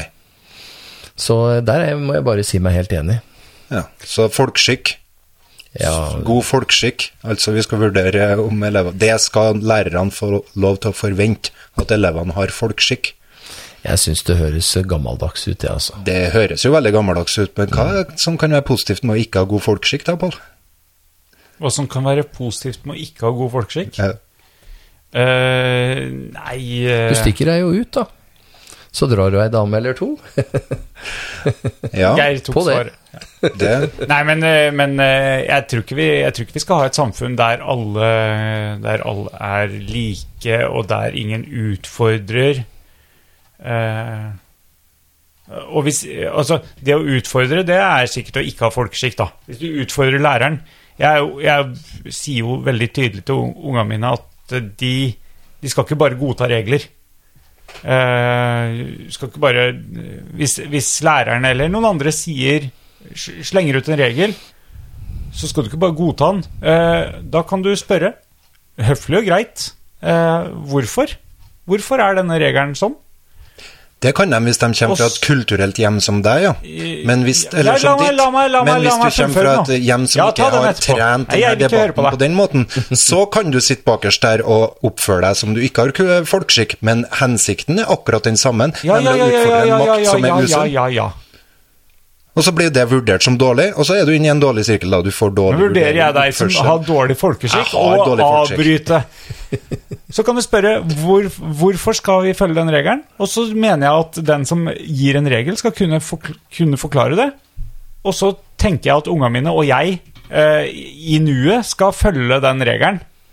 Eh, fordi at eh, det var sikkert Altså, det er ikke noe vits kanskje å gjøre opposisjon akkurat der og da. Men, eh, men man kan jo melde, hvis man er elev, være i elevråd og jobbe mot sånne regler som er helt høl i huet, eller sånn som jeg og Geir, som har uh, engasjert oss i politikken fordi at vi syns det var uh, mange teite regler, eller du som starter podkast, Øystein, for å ha en mening og slenge ut. Få folk til å tenke. Ja, Tror jeg. Tenke. Ja. Hvor, hvor lang skal den podden her bli, Jeg vet egentlig? ikke, men uh, Ja, nå kan du- bare i- kom igjen, du. I, I ungdomsalderen Ja. så er det ekstremt viktig å ikke dømme folkskikk eller ikke. Fordi Hvorfor det? den hovedhensikten er jo at det her systemet skal bli bedre. Jeg mener det er en sikkerhet. Hvilket system? Det er samfunnet vårt. Ja, blir det det? Å utfordre maktstrukturer. På hvilken måte har det blitt bedre de siste åra, tenker du?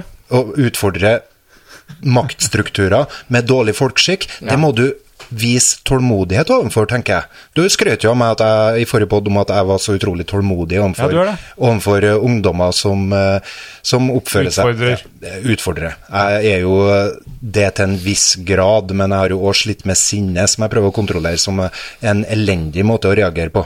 Men eh, det er nå bare sånn. Eh, Men jeg tenker jo det at den frekke måten, den, den, eh, den ufine måten, den ufyselige måten, også er et signal av og til på at de har sett noe som ikke jeg har sett, nemlig noe som ikke funker. At det her er ungdommens kraft, som vi faktisk må se på som en ressurs. Så Men det er, litt, det er litt sånn at flertallet, eh, flertallet på en måte bestemmer. Og det er jo det der med det kulturelle og det her med folkeskikk og sånn. Det, det er liksom noen konvensjoner som vi, vi har laga oss liksom for at, eh, for at eh, vi skal være litt sånn siviliserte med hverandre, da, ikke sant? Og hvis du bryter folkeskikkregler og, og, og, og sånt noe som er fra konvensjonen, så kan du risikere på en måte at da, da blir du litt sånn utstøtt, da, ikke sant? Da, da, får du, da får du konsekvenser for deg, ikke sant? Sånn. Um, og så eh, hadde jeg et resonnement her i forhold til dette her med, med Fordi at det å utfordre, det kan være hensiktsmessig, og det kan skape framdrift og, og utvikling og, og, og sånt noe. Men så er det også litt sånn at hvis vi har liksom noen regler om hvordan vi skal eh, opponere, eller hvordan eh, vi skal liksom stille spørsmål, så var jo Pål Kristian så inne på det at, eh, at vi at vi, eh, vi må gjøre det på en lur måte. Eh, og stille spørsmålstegn ved det, f.eks. Eller sånn. Vi må ikke bare bryte, bryte folkeskikkereglene. Og vi må ikke bare ha noen som opphøyer seg og sier at 'jeg veit hva som er eh, bra folkeskikk', og det skal jeg bedømme på, på, på deg og deg sånn. Eh, da, da funker det ikke så bra.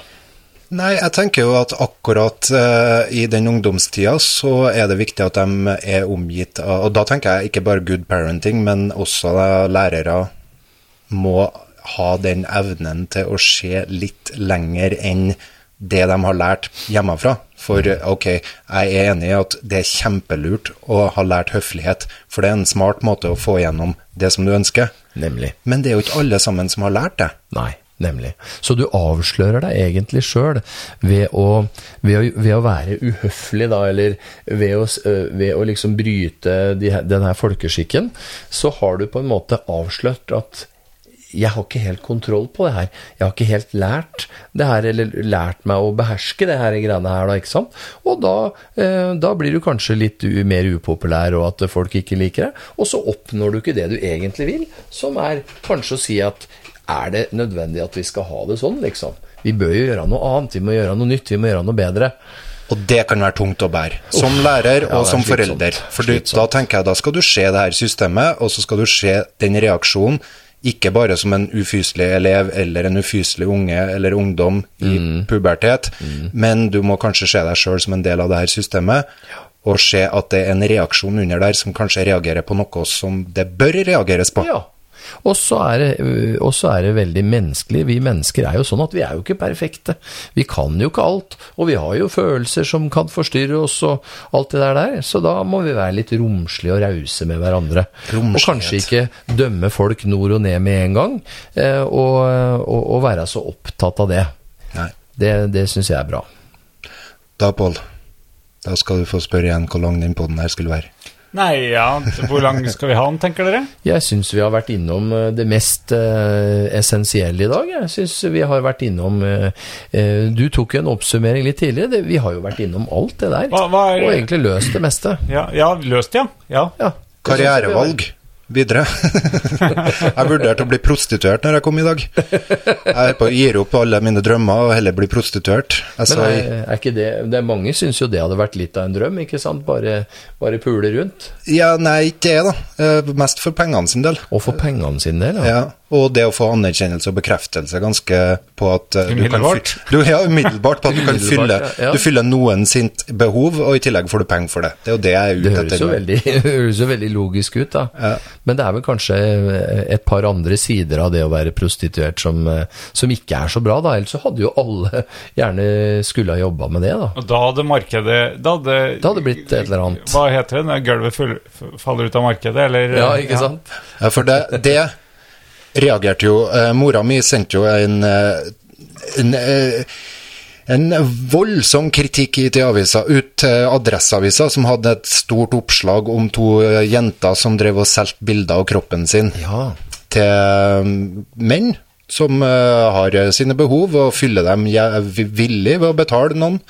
Kroner for det, ja. Ja, og mor mi, eh, helt riktig synes jeg da, for så vidt, jeg, jeg var ikke helt enig med henne, var da kritisk til at Adresseavisa i hele tatt viser sånne ting, fordi at eh, det kan være mer med det der enn så enkelt som du sier. Det er ikke bare, det er noen andre ting inni det der. Ikke, de, de, var, Ja, det- det de var ikke prostituert da. Nei, men det, det hun påpekte annet var jo at de, de frem, Adressa fremstilte det som sterke eh, At du måtte være sterk for å tåle det, og, og Ja. liksom glorifiserte det litt. Grann. Ja, jeg tror jeg kunne ha takla vært en prostituert og vært en sterk mann og, og tjent mine penger og Ja, s- om jeg eh, ville antageligvis eh, møtt noen problem med det, men, men eh, jeg kunne sikkert fått et adresseoppslag.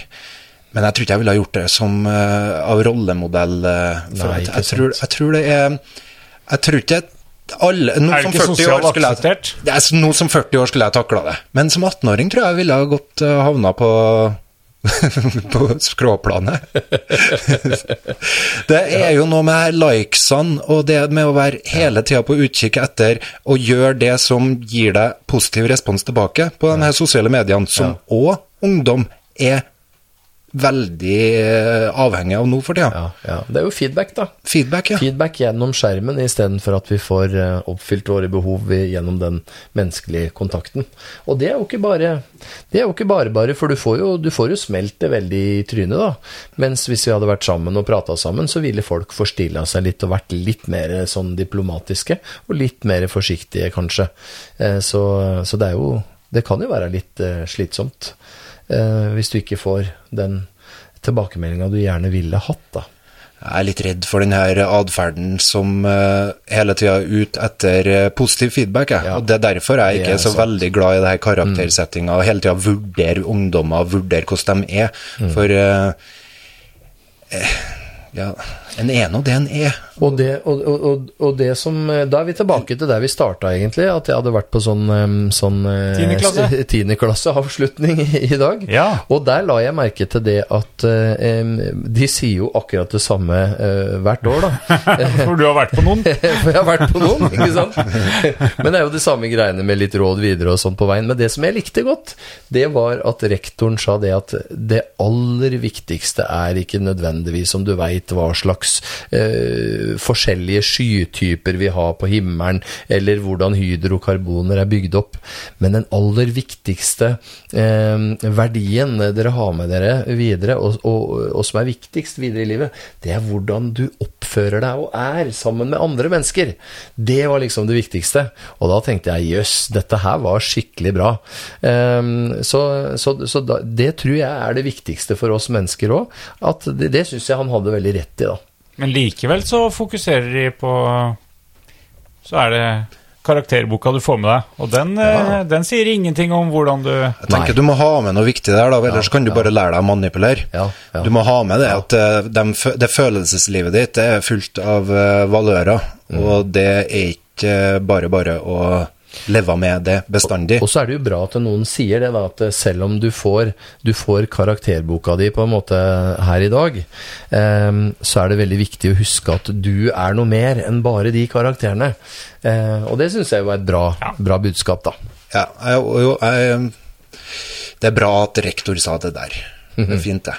Ja. Ja, det er ikke så viktig med cumulusskyer og Pål, du har sett navnet på alle. Ja, men jeg, jeg hadde Ja. tenkt å si cumulus, jeg òg. Det, det er den skyen alle har kan. du- Ja, og så har du eh, makrellskyer. Har du flere? Jeg, jeg, husker bare, jeg husker bare precambrium, eocambrium, cambrium, ordovisium, silur, devon, eh, perm, trias, jura, kritt, tertiær og kvartær.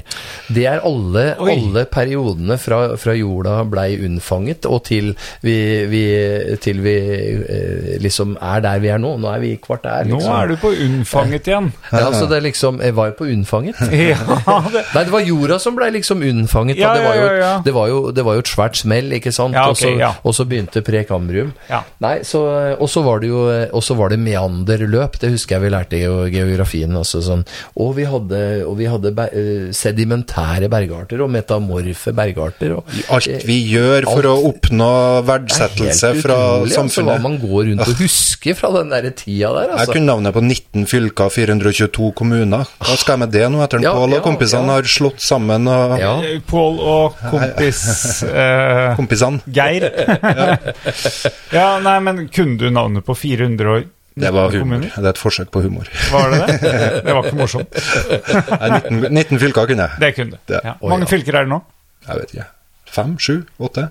Det Jeg fant ut at Møre fortsatt var et eh, fylke. Noen jeg hadde litt Møre samfunnskunnskap. Og Romsdal. Møre- Møre og Romsdal. Ja. Fortsatt et fylke. Du må ha med Romsdal òg. Trodde har Møre ikke- hadde blitt jeg har ikke Trøndelag. telt opp, altså, det, det blir færre og færre Men jo lenger man teller. Litt av. Møre var jo blitt Trøndelag. Ja. Det hadde vi jo eh, Eva her som fortalte om. Var det ikke det? Eh, jo. Jo. Fra Rindalen. Ja. Kulturskolen. Ja. Fantastisk at du kom, uh, Geir. Det, det her uh, ble kanskje ikke bare Du kom seint, men, men det var jo bra du kom. Ja, men ja. vi, vi har stor respekt for at det er en, en tiendeklasseavslutning som må gjøres, Ja, var, ses ferdig. Og så, ikke minst, så så uh, kjenner jeg jo deg og vet at uh, sånt skjer. At, eh, Sånt skjer, at det er noe som er, eh, er å være med på før du kommer dit du skal. Du er Eh, fem uh, unger Og så har du lønna arbeid. Og så Øystein her, som jeg har snakka om før, han har, jo, han har jo litt det samme. Kommer litt seint. Men, men det som er fint, da, nå gjenta, det er jo noen podder siden vi snakka om det, det som er at Øystein han holder på med noe som er gøy. Ja. Og da er det vanskelig å avslutte. Ja, det og sant. derfor kommer den for seint. Og, og man skal holde på med ting som er gøy. Det er et bra forbilde på den måten, da. Så, og, og det Ja, så Sånn Noen er ganger kommer vi for seint av plikt, og andre ganger kommer vi for seint fordi det er gøy. Ja. Og det, det, det, det siste er nok det beste. Men du, jeg trenger ikke å vite alt det her om uh, de her systemene i kroppen og hormonene og alt det der for å kunne uh, oppføre meg ordentlig, eller på en god måte være good parenting. Jeg tror jeg hadde kontroll fram til en sånn 10-11-12-årsalderen. Eh, jeg gjorde- eller jeg har kontroll på at jeg har gjort mye dumt, og sittet veldig mye høyt opp på prioriteringslista som ikke jeg trengte å sette så høyt. Skolen tar seg av det meste. Eh, Eh, Men eh, har du noen tips til meg, noen råd? Kom med et råd som fagmann. Nei, jeg tror um, Eller som far. Som far, vet du. Ja. Som far. Medmenneske. Som medmenneske og far. Nå føler jeg meg litt som i Lille Lørdag, når han ene sa Det er nå du skal si noe vanvittig glupt. nå skal du si noe glupt. Si noe glupt nå, da. Men da- Øystein. Da har du nummeret til kona di. Jeg spør hun eller Ja, gjør det. Ja. Gjør det. Det høres sånn ut. Vi må ha Hun er jo lærer. Hun har jeg spurt mange ganger, så Og så er, det- og så er det jo best at jeg ikke avslører alle hemmelighetene nå, for da blir jeg invitert en annen gang, og så kan vi snakke om noe Det annet håper spennende. Da. Har du lyst til det? Ja, det har jeg lyst til. Har, har du det bra? var det koselig? Ja, det var kjempefint. Det skal ikke bare være koselig, eller? Det skal være litt ubehagelig. Det var ganske utviklende å være her. bra. For du skal være midt imellom komfortsonen og panikksonen for å ha, utvikle deg. har kjent litt på begge deler, så da var det vel, da var det vel ikke så verst. Bra. Da har dere gjort det bra i dag. Vi, vi kan ta et inn, uten at dere ser på klokka nå. eh, Gjettekonkurranse på hvor, mange, hvor langt vi er kommet. I, Da Øystein ser på klokka. Han vil ikke gjette. Nei, jeg har klokka opp der på veggen, Ja. så Ja, ja, Ser, du ser på sola, du. ti, ti. 2.30. Ja, lyset og sola og liksom uh... Hvor lenge har vi holdt på? To timer og uh, Skal vi se, vi kom i gang her sånn cirka sju, så da har vi ja, to og en halv eh, time. Cirka. Flott. To timer og 38 minutter har vi akkurat nå. Ikke Klokka verst. inn. Bra tippa. Vi takker for denne podden og håper at uh, Vi snart får ut noen podder. Da kommer vi ut. Ja, for det lå på lista mi Det var, skulle gjøres i kveld, å mikse forrige pod og, og, og publisere den. Det lå egentlig i kveld, men nå Men vi har en eh, sommer vi skal løse snart. Vi har en sommer vi skal løse. Ja. For da skal vi på ferie fra hverandre, Øystein. Ja, Det blir hardt for meg. Dæven, Da får ikke lov til å stenge Messengeren, altså. Nei, nei, nei, nei. Men vi må finne ut hvordan vi skal podde. Ja, du, jeg vet du har Du trenger å bli regulert. Jeg trenger å bli regulert av anerkjennelse og bekreftelse. Jeg er så usikker på så mye. Men, men. Nei. Skal du si takk for i dag? Superhyggelig at du kom, Geir. Det, var, det ble så artig som jeg håpa det skulle bli. Og jeg fikk det hyggelig. mye bedre. Som vanlig. Du er i godt humør nå. Litt bedre bedre. Nei, du, var, du, ser ut som du er i godt humør. Jeg var i godt humør. Nei, du var ikke i godt humør. Jeg ville egentlig bare holde på den her Takk Jeg ville få behandling på. Jeg ville være, ja, takk for det. det er en pott som heter det. Men den skal vi ikke reklamere for. ha det! takk for i dag.